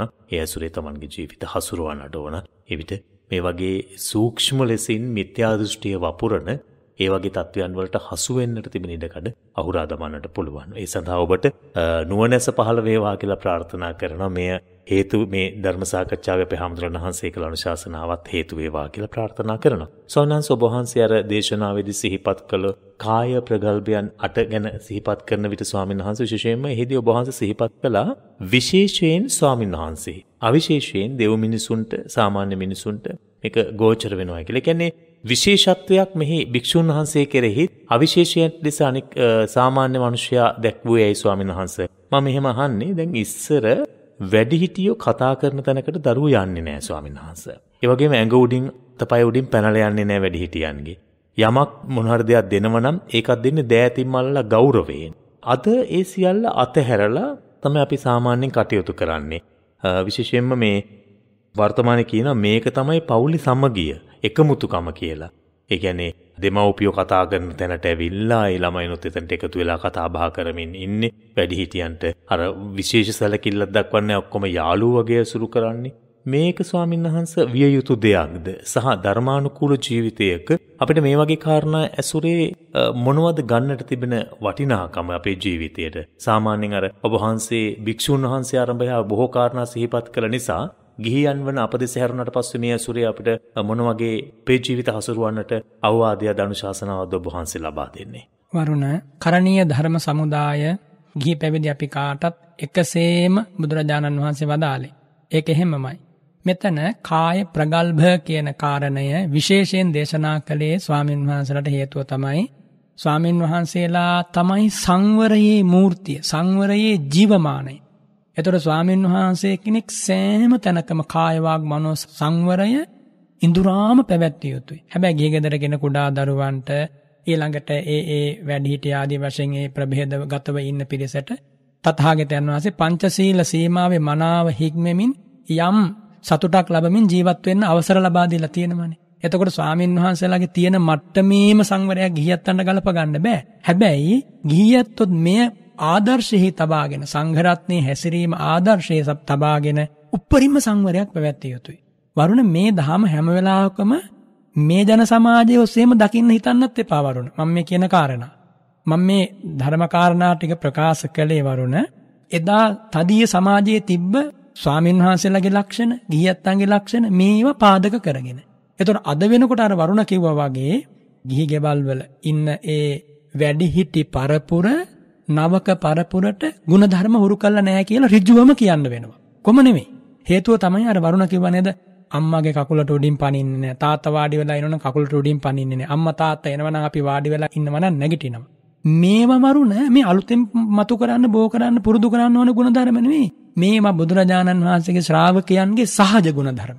නිසංග වශයෙන් මතුවෙන්න ඕනේ ගුණධර්ම. ඒකයි මම කිව්වේ දැන් අපි මේ වර්තමානයේට මේ ටික ගලපලා බලලා හරියන්නේ නැහැ. ඒවා සැබවින්ම තිබිය යුතු දේවල්. දැන් වෙලා තියෙන්නේ ඒ ගුණධර්ම ටික අතුරුදන් වෙලා ගිහිල්ලා. මුහුවීම කියන එක වරුණ එකට ජීවත් වීම කියන එක සතුටෙන් සමගියෙන් ජීවත් වීම කියන එක මේ වැඩිහිටි ගෞරවය අමතක කරලා දාලා කරන එකක් නෙමෙයි. එහෙම නැත්නම් අම්මයි දුවයි තාත්තයි පුතයි යාළුවෝ වගේ වැරදි දේවල් කරමින් ඉන්න එක මනු ධර්මයටවත් ගැලපෙන්නේ නැහැ. එහෙම එකක් නෙමෙයි මේ කියන්නේ. අනිවාර්යයෙන්ම ගෙදරක ඉන්න ගිහියත්තු මේ ප්‍රගල්භ වලින් ඉඳුරාම වෙන් වෙන්නට ඕන. වැඩිය නෙමෙයි ගිහියත් එක්ක වාඩි මම කිව්වා ඒ දේශනාවේ වරුණ පැහැදිලිවම ගිහියත් එක්ක වාඩි වෙලා හිටිය සංවරව වාඩි වෙන්න ඕනේ. කකුලක් පිට කකුලක් දාගෙන. සමහර ඇත්තෝ වරුණ කෑම කන්නට ලෑස්ති වෙලා කෑම බෙදාගෙන කකුලක් අරන් අනිත් කකුල උඩින් තියාගෙන තමයි කෑම කන්නේ. ඉඳුරාම අසංවරයි. ඒ තත්ත්වයට සමහර පුද්ගලයෙකුගේ මනස පිරිහිලා තියෙනවා. හැබැයි මේ වහගෙනන්න ගිහියත්තෝ මේවට වග කියන්නට ඕනි. මොකද හැම්ම කෙනෙක්ම මේ මහ පොළොව ජීවත් වන. අම්මගෙන් තාත්තගෙන් පූර්වාචාර්වරු පූර්ව දේවතාවරු කියන නමින් හඳුන්වපු ඒ දෙමව්පියන්ගේ ආදර්ශය ලබාගෙනනේ නැගී සිටින්නේ මේ මහ පොළොවේ. අම්ම තාත්ත කියන දෙපළ මේ මූලික ගුණධර්ම ටික තමන්ගේ දරුවන්ට හුරු කරලා තියන්නේ. මොකක්ද මූලික ගුණධර්ම කිව්වේ? උදේ හවා පසඟ පිහිටුවා තමන්ගේ අම්මට තාත්තට වඳින එක. ඒ වගේම අම්මයි තාත්තයි ගමනක් බෙමනක් ගිහිලා ගෙදරට එනකොට ඈත තියා නැගිටින එක. ඉස්සරහට ගිහිල්ලා පිළිගන්න එක. අම්මා තාත්තාගේ ඇඳුම් පැළඳුම් සෝදලා දෙනේම පුළුවන් කාලේ හැමදේම ආවතේව අප උපස්ථාන ටික කරන එක. මේව වරුණ අවශ්‍යයෙන්ම මූලික මට්ටමින් තිබිය යුතු දේවල්. ඉතින් මේ ටිකත් හැදීමක් ගැන අමුතුවෙන් කතා කරන්නට බෑ වරුණ. ඒක නිසා මේ ටික අනිවාර්යෙන්ම ගිහි ගෙදර ජීවත් වෙන අම්මලා තාත්තලා කියන තනතුරු ලැබපු අය තමන්ගේ දරුවන්ට හුරු කරන්න. හුරු කරේ නැත්නම් ඒ අත්ොත් කරන්නේ මේ මිනිස් ජන සමාජයට තවත් පිළිලයක් එකතු කරන එක. තයෝ රෝගා පුරේ ආසුන් ඉච්ඡා අනසනං ජරා. වරුණ වදාරන බුදුරජාණන් වහන්සේ පෙර මිනිසුන්ට රෝග තුනක් තිබුණා කියනවා. එකක් තමයි මේ මිනිසුන්ගේ ජීවිතවල යම් ආසාවක් තණ්හාවක් තිබුණා. ඒ වගේම කෑම බීම අනුභව කිරීමේ උවමනාවක් ඇති වුණා. ඒ වගේම ජරාවට ගියා. මේක තමයි පෙර තිබ්බ රෝග තුන. හැබැයි පස්සේ පස්සේ මිනිස් ජන සමාජයේ ඔය කියපු දුරාචාර ටික උස්සන්න වෙනකොට අට්ඨානෞති මාගමු. ඒ කාලයේම රෝග 98ක් හැදුනා කියනවා මිනිසුන්ට. මේ බොහොම ඈතකදී දේශනා කරපු සූත්‍රයක්. එතකොට අද වෙනකොට මේ රෝග හැදෙන එකට හේතුව හැටියට මොනවා කවුරු ඉදිරිපත් කළත් ඒකාන්ත හේතුව දෙවියන් සහිත ලෝකයේ ප්‍රඥාවන්ත පිළිගන්නවා. මිනිස් මනසේ ඇතිවෙච්ච දුර්ගුණ. ඔය කියපු විදිහේ අම්මා තාත්තට ගරු නොකිරීම, වැඩිහිටියන්ට ගරු නොකිරීම, ගිහි ගෙදරක ඉන්න දුවා දරුවන්ගේ ඒ ආචාර ධර්ම නොතිබීම, වරුණ ඒ තරමින් පිරීලා තියෙන එක පැත්තකින් අපි බොහොම ශෝකයටපත් වෙනවා ඒ කාරණේ සිහි කරද්දී. හැබැයි වරුණ මේවා අහගෙන ඉන්න නැත්තන්ට පුළුවන් පසු නොතැවි නැවත වතාවක් තමන්ගේ දරුවන්ට තමන්ගේ පරපුරට මේවා හුරු කරන්න. හැබැයි වචනයෙන් කියලා නෙමෙයි වරුණ කරලා පෙන්වන්නට ඕන. විශේෂයෙන් මෙන්න මේ කාරණේ මෙතෙන්දී අවධාරණය කරනවා. කුමක්ද?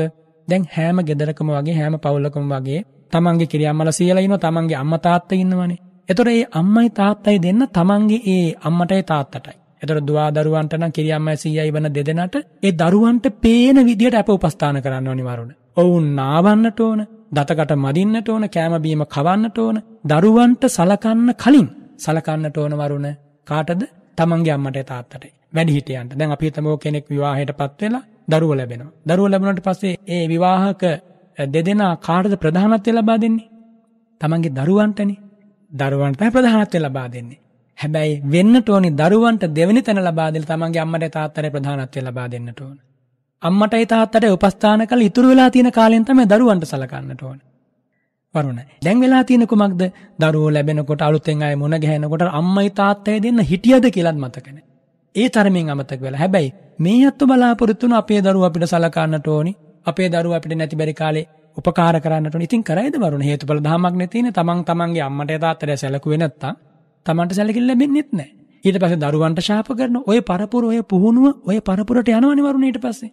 දැන් වෙලා තියෙන්නේ වරුණ පරම්පරා 8ක 10ක විතර ඉඳන් ටික ටික ටික ටික. ඔය සුද්දාන්ගේ කාලේ සුද්ද මේ රට ආක්‍රමණය කරාට පස්සේ ඒ විශේෂයෙන් පෘතුගීසින් ලන්දේසින් වගේ මේ රට ආක්‍රමණය කරාට පස්සේ අපේ තිබ්බ විශාල සාරධර්ම පිරිසක් වරුණ අමු අමුවේම නැති වුණා. ඔවුන් බොහොම සංවිධානාත්මකව ඒ දේවල් සිද්ධ කළා වරුණ. සැබවින්ම අපේ ජාති අවාසනාව ඉතින් කරන්න දෙයක් නැහැ. හැබැයි මොනම හේතුවක් නිසා හරි අපට මේ උදාර ධර්මයේ ඉතුරු වුණා. අපේ සංඝ පීඨුන් වහන්සේලා දිවි දෙවනි කොට මේ ධර්මය ආරක්ෂා කළා. ඒ වගේම සේපත් කරන්න ඕනි අපේ අම්මලා අපේ තාත්තලා එදා සුද්ධ තමන්ගේ දරුවෝ කැති ගහලා දාද්දි ශාසන දායාදේම දිවි දෙවනි කොට ආරක්ෂා කළා. එහෙම පූජනීය අම්මලා පූජනීය තාත්තලා මේ මහ පොළොවේ මිහිදන් වුණා. ඔවුන්ගෙන් ලෙයින් හැදිච්ච පිරිසක් හැටියට ඔබටත් වගකීමක් තියෙනවා. ඔබේ දරුවන්ට මේ උදාර ගුණධර්ම ටික කියලා දෙන්න. මේ බාහිර අධ්‍යාපනයන් දෙන්න දඟලන දැඟලිල්ලෙන් කිසිදාක පළක් වෙන්නේ නැහැ. දරුවන්ට පළක් වෙන්නෙත් නැහැ. අම්මා තාත්තට සෙතක් වෙන්නෙත් නැහැ. දෙවියන් සහිත ලෝකෙටම සෙතක් වෙන්නේ නැහැ. හේතුව තමයි ඔවුන් අවසානයේ මොනවද මනස්වල ඇති කරගන්නේ වරුණ. නූපන් රාගය නූපන් දේශය නූපන් මසුරුකම නූපන් ඉරිසියාව මෙන්න මේ වගේ දුර්ගුණ ඇති කරගෙන දරුවෝ අපායට යන්න කරුණ එකතු කරගන්නවා. ඒවට අනුබල දීලා අම්මා තාත්තා අපායට යන්න කරුණ එකතු කරගන්නවා. ඉතින් ඔය ගන්න වෙහෙස අරගෙන මේ දරුවන්ට මේ ගුණධර්ම ටික ඉගැන්වුවොත් වරුණ කොච්චර ලස්සනයිද? කාසි මුදල් තනතුරු තාන්න මානවල යම් අඩුවක් එන්න පුළුවන්. මොකද ඒ තරඟයට බැසගත්තේ නැත්නම් ඒවා නොලැබෙන්නත් පුළුවන්. හැබැයි බය වෙන්න එපා, දුක හිතන්න එපා. මේ දවස් 20ක් 30කට අවුරුදු 20ක් 30කට බලංගු වෙන සැනසීමට වඩා වැදගත් නැද්ද? කල්ප ගණනින් ලැබෙන සැනසීමක් බලාපොරොත්තු වෙන එක. එහි ඇති වැරද්ද කුමක්ද? ඉතින් ඒ නිසා මේව හොඳට තේරුම් ගන්න ඔබට නුවණ තියෙනවා, පින තියෙනවා. මේ හැම කාරණයක්ම සමාලෝචනය කරලා වරුණ කිව්වේ අපිට තියෙන අවසානයේ මේ ධහම විතරයි. ඒ කාරණේ නිසා. හොඳයි. ස්වාමිනාංශ තව එක් කාරණාවක් අද ධර්ම දේශනාව වැඩි වේලාවක් තිබුණා. ඒ නිසා අපිට ධර්ම සාකච්ඡාවේ කාලේ තවදුරටත් වැඩි වශයෙන් ගෙන යන්නට හැකියාවක් නැහැ. කෙසේ නමුත් අවසාන වශයෙන්ම වහන්සේගෙන් දැනගන්නට කැමති ඔබ වහන්සේ වචනය පිළිබඳ සිහිපත් කළ වචනෙන් පුළුවන් ලෝකයක් සනසන්න අර්ථවත්ව අර්ථාන්විතව සුන්දරව ජීවිතයකට යම් ආකාරයකට මේ නිවීම උදෙසා කෙනෙකුගේ වචන භාවිත කිරීමේ වටිනාකම ඔබ වහන්සේ සිහිපත් කළා. සමහරු කියනවා ස්වාමීන් වහන්සේ කවුරු මොනවා කිව්වත් මොකද ඒක මේ එක කනකින් අහලා අනික් කනින් පිට කළාම ඉවරයි කියලා. ඕනෑම දෙයක් ඒවට මේ ඇහුම්කන් දෙන්න යෑම තුල තමයි ප්‍රශ්න ඇති වෙන්නේ කියලා සමහරු සිහිපත් කරනවා. තවත් සමහරු කියනවා ස්වාමීන් වහන්සේ ඒකේ අනිත් පැත්ත. කාල බීලා ඉන්න වෙලාවට කියපුවව ගණන් ගන්න එපා කියලා. වචනයක් කියන්නේ ස්වාමීන් වහන්සේ හිතන්න නැතුව පිට කරන්න පුළුවන් දෙයක්ද? ඒ තුල කර්ම රැස්වන්නේ කෙසේද ස්වාමීන් වහන්සේ? වරුණ සහසා බනති කියලා කියනවා.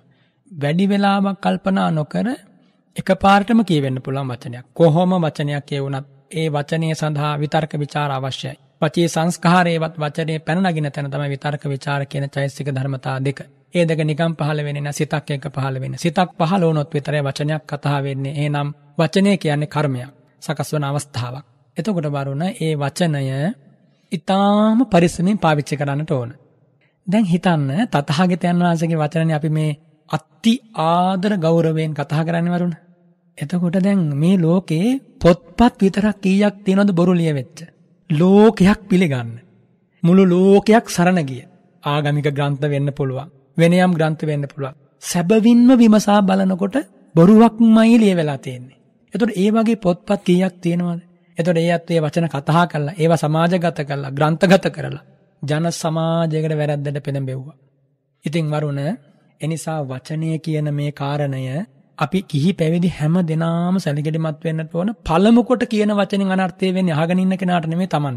එතකොට යම් වචනයක් කතා කරන්න කලින් බුදුරජාණන් වහන්සේ දේශනා කරනවා මේ වචනය කියන්නට සුදුසුයිද? මේක තැනද? මේක තමන්ට අනුන්ට හිතසුව පිණිස පවතිනවද? භූතන් තච්චං අත්ත සංහිතම් මේක ඇත්තක්ද වෙච්ච දෙයක්ද අර්ථය පිණිස හේතු වෙනවද? ආන් එහෙම හිතලා බලලා මේ වචනේ කතා කරන්නට ඕනි. වරුණ යමක් භූතන් තච්චං තංචකෝ අනත්ත සංහිතං යමක් තියෙනවා මේ ලෝකේ යම් සිදුවීමක් ඒක ඇත්තටම වෙලා තියෙන්නේ ඒක ඇත්තක් තියෙනවා ඒක කතා කිරීම අනර්ථ සංහිතයි එහෙනම් ඒ වගේ වචන කතා කරන්න එපා කියනවා එතකොට අභූතං අතච්චං අනත්ත සංහිතං යමක් වෙලාත් නෑ සැබවින්ම බොරුවක්. ඒක කියන එකෙන් අනර්ථයක්මයි සැලසෙන්නේ. ඒක කතා කරලා බලක් වෙන්න එක බොරුවක්නේ. ඒ වගේම වරුණ භූතං තච්චං අද්ද සංහිතං තංචකෝ පරේසං අප්පියං අමනාපං. යම් වචනයක් තියෙනවා ඒ වචනේ කතා කරන්න පාදක වන සිදුවීම ඇත්තක්. ඒක වෙලා තියෙන දෙයක්. ඒක කතා කිරීමෙන් අර්ථයකුත් සැලසෙනවා. හැබැයි ඒක අහන්න අනිත් අය කැමති නෑ. දැන් බොහෝ දෙනා ධර්මය අහන්න කැමති නෑනේ වරුණ. මොන අවාසනාවක්ද කියන්නේ.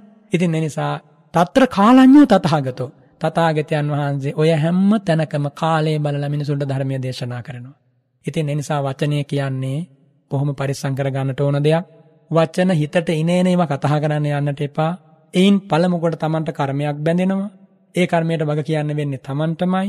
කතා කරන්න පුළුවන් කටක් ලැබිච්ච වෙලාවේ බොරු, අල්ලාප සල්ලාප, ලාමක දේවල්, හුරතල් වදන්, අන් අයට අනර්ථය පිණිස පවතින දේවල් කතා කරන්න එපා. වැඩි නෙමෙයි වරුණ. මේ ධර්ම මාර්ගේ ගමන් කරන කෙනාට කටක් කැරලා මේ ඇඟ අතපය මුහුණ සොලවමින් hina වෙන එකත් අසංවරයි.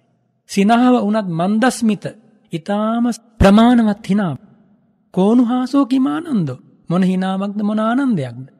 එනිසා මේ 11 ගින්නකින් පෙච්චෙන අපි බුදුරජාණන් වහන්සේගේ ශ්‍රාවකයෝ ලෙස මේ කාරණේ දැන දැන අනවශ්‍ය විදිහේ සතුටකට අනවශ්‍ය විදිහේ ආනන්දයකට අනවශ්‍ය විදිහේ පිනායෑමකට කටයුතු කරනවා නම් මට නම් හිතෙන්නේ වරුණ ඒක දුෂ්ප්‍රාඥ බවමයි. ඉතින් ඒ නිසා අපිට බොහෝ තැන් හැදෙන්න තියෙනවා වරුණ. අපේ ජන සමාජයටත් එහෙමයි. මේ කරණීය ධර්ම වලින් අර්ථ ගන්නවන්නේ මේ ලස්සන චරිත. එතකොට තථාගතයන් වහන්සේ වැඩ හිටපු කාලේ මේ මේ ಗುಣධර්ම ටික ඒ මිනිසුන්ට සාමාන්‍ය දේවල්. මම වරුණට මුලිනුත් කිව්වේ මේ කතා කරපු ಗುಣධර්ම ටික ඒ සමාජයට සාමාන්‍යයි. දැන් අපිට මේ අසාමාන්‍ය වෙලා තියෙන්නේ. ඒකනේ දැන් වරුණත් විවිධාකාරයෙන් මේ ප්‍රශ්න අහන්නේ කොහොමද මේව සමාජගත කරන්න කියලා. අපිත් ගන්න පුළුවන් උත්සාහය ගන්න ඒ උදෙසානේ. ඉතින් වරුණ අපේ උත්සාහයට ප්‍රතිඵලයක් ලැබුණා හෝ වේවා නොලැබුණා හෝ වේවා අපි යුතුයකම ඉෂ්ට කරමු. ඒකයි අපිට කරන්න පුළුවන්දේ. ඉතින් ඒ නිසා එහෙම කළාට පස්සේ අපි අපවත් වෙන වෙලාවට මිය පරලොව යන වෙලාවට අපිට සැනසීමක් තියෙනවා. අපේ කටින් අපි හොඳ වචන කතා කළා. අපේ කයින් අපි යහපත් කාය කර්ම කළා. අපි හොඳ චරිතාදර්ශයක් දුන්නා. සංවරව ගමන් කරන හැටි මෙහෙමයි කියලා පෙන්නවා. කැපසරුප්පාකාරයෙන් දන් වේලක් වළඳන්නේ මෙහෙමයි කියලා පෙන්නවා. මිහිරි බුදුබණ පදයක් දේශනා කරන්නේ මෙහෙමයි කියලා පෙන්නවා. මිහිරි ධර්ම සාකච්ඡාවක් කරන්නේ මෙහෙමයි කියලා අපි පෙන්නවා. එයින් මිනිසුන්ගේ හදවත් වලට මෙන්න මෙහෙම ශාන්තියක් දැනෙනවා කියලා අපිට පුළුවන් විදිහට අපි කියලා දුන්නා. ඉතින් වරුණ මේක තමයි ධර්මචක්‍රය ප්‍රවර්තනය කරන විදිහ. ඉතින් මේ විදිහට ධර්මචක්‍රය ප්‍රවර්තනය කිරීමෙන් ජන සමාජයට සෙතක් සැලසෙනවා. කොයි කාලෙත් ඉන්නව වරුණ පින් ඇති මිනිස්සු. අදත් ඉන්නවා. මේ බණ කතාවත් අහගෙන ඉන්නවා. මේ ජීවිතේම මගපල් ලබන්න පුළුවන් මිනිස්සු ඉන්නවා. ඉතින් ඒ නිසා ආන්නේ මිනිස්සු දෙසා මේ ධර්ම සාකච්ඡා විශේෂයෙන් වෙන් වෙනවා. ඒ වගේම වරුණ කාට කාටත් අවිශේෂයෙන් වෙන් වෙනවා. එනිසා හැමෝටම මේ ධර්ම සාකච්ඡාව හොඳයි, මේ බණපදය හොඳයි, මේ ශාන්තිය හොඳයි, මේ බුදු සසුන හොඳයි. මේ බුදු සසුන ආදරයෙන් ජීවිතයට සම්බන්ධ කරගන්න කියලා මම මේ වෙලාවේ සිහිපත් කරනවා. හැපින්වත් වරුණට net fm කාර්ය මණ්ඩලය හැම දෙනාටම ඒ වගේම මේ උතුම් ධර්ම කතාවට සවන් දුන් ත්‍රිනිකායික ස්වාමින් වහන්සේලාට අතිපූජනීය මහා සංඝරත්නය නිසා අපිට මේ සැනසීම ලැබිලා තියෙන්නේ. ඒ උතුමන් වහන්සේලාට අපේ নমස්කාරය වේවා. එවගේම ගිහියත්තන්ට නිදුක් නිරෝගී සුව දීර්ඝායුෂ ලැබේවා මේ කියපු කරුණු හොඳට ජීවිතේට ගලපා ගන්න. ඔබ සෙනෙහබර ඥානවන්ත අම්ම කෙනෙක් වෙන්න. ඔබ සෙනෙහබර ඥානවන්ත තාත්තා කෙනෙක් වෙන්න. ඒ වගේම ඔබ මෛත්‍රියෙන් පිරී ගිය හදවතක් ඇති තෙරුවන් සරණේ පිහිටපු දයාබර අම්ම කෙනෙක් තාත්තා කෙනෙක් වෙන්න. එතකොට මේ මුළු සමාජයට සැනසෙල්ලක් ලැබෙයි.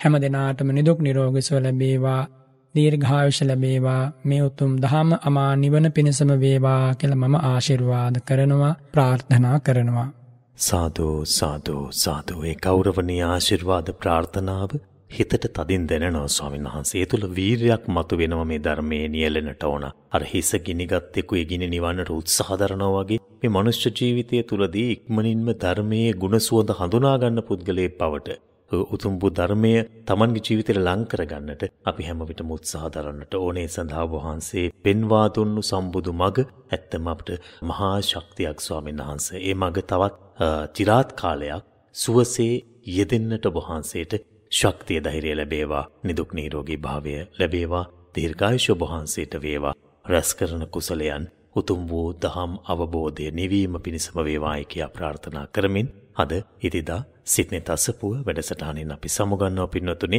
අපි ඔබට ආරාධනා කරනවා මේ මොහොතේ ඉඳලා අපේ ස්වාමීන් වහන්සේ හැමදේම සිහිපත් කරන මෛත්‍රී භාවනාව ඔබ නවත්වන්නට එපා දිගින් දිගටම මේ මොහොතේ ඉඳලා ටික වේලාවක් හෝ සිදු කරන්නට යමු වෙන්න.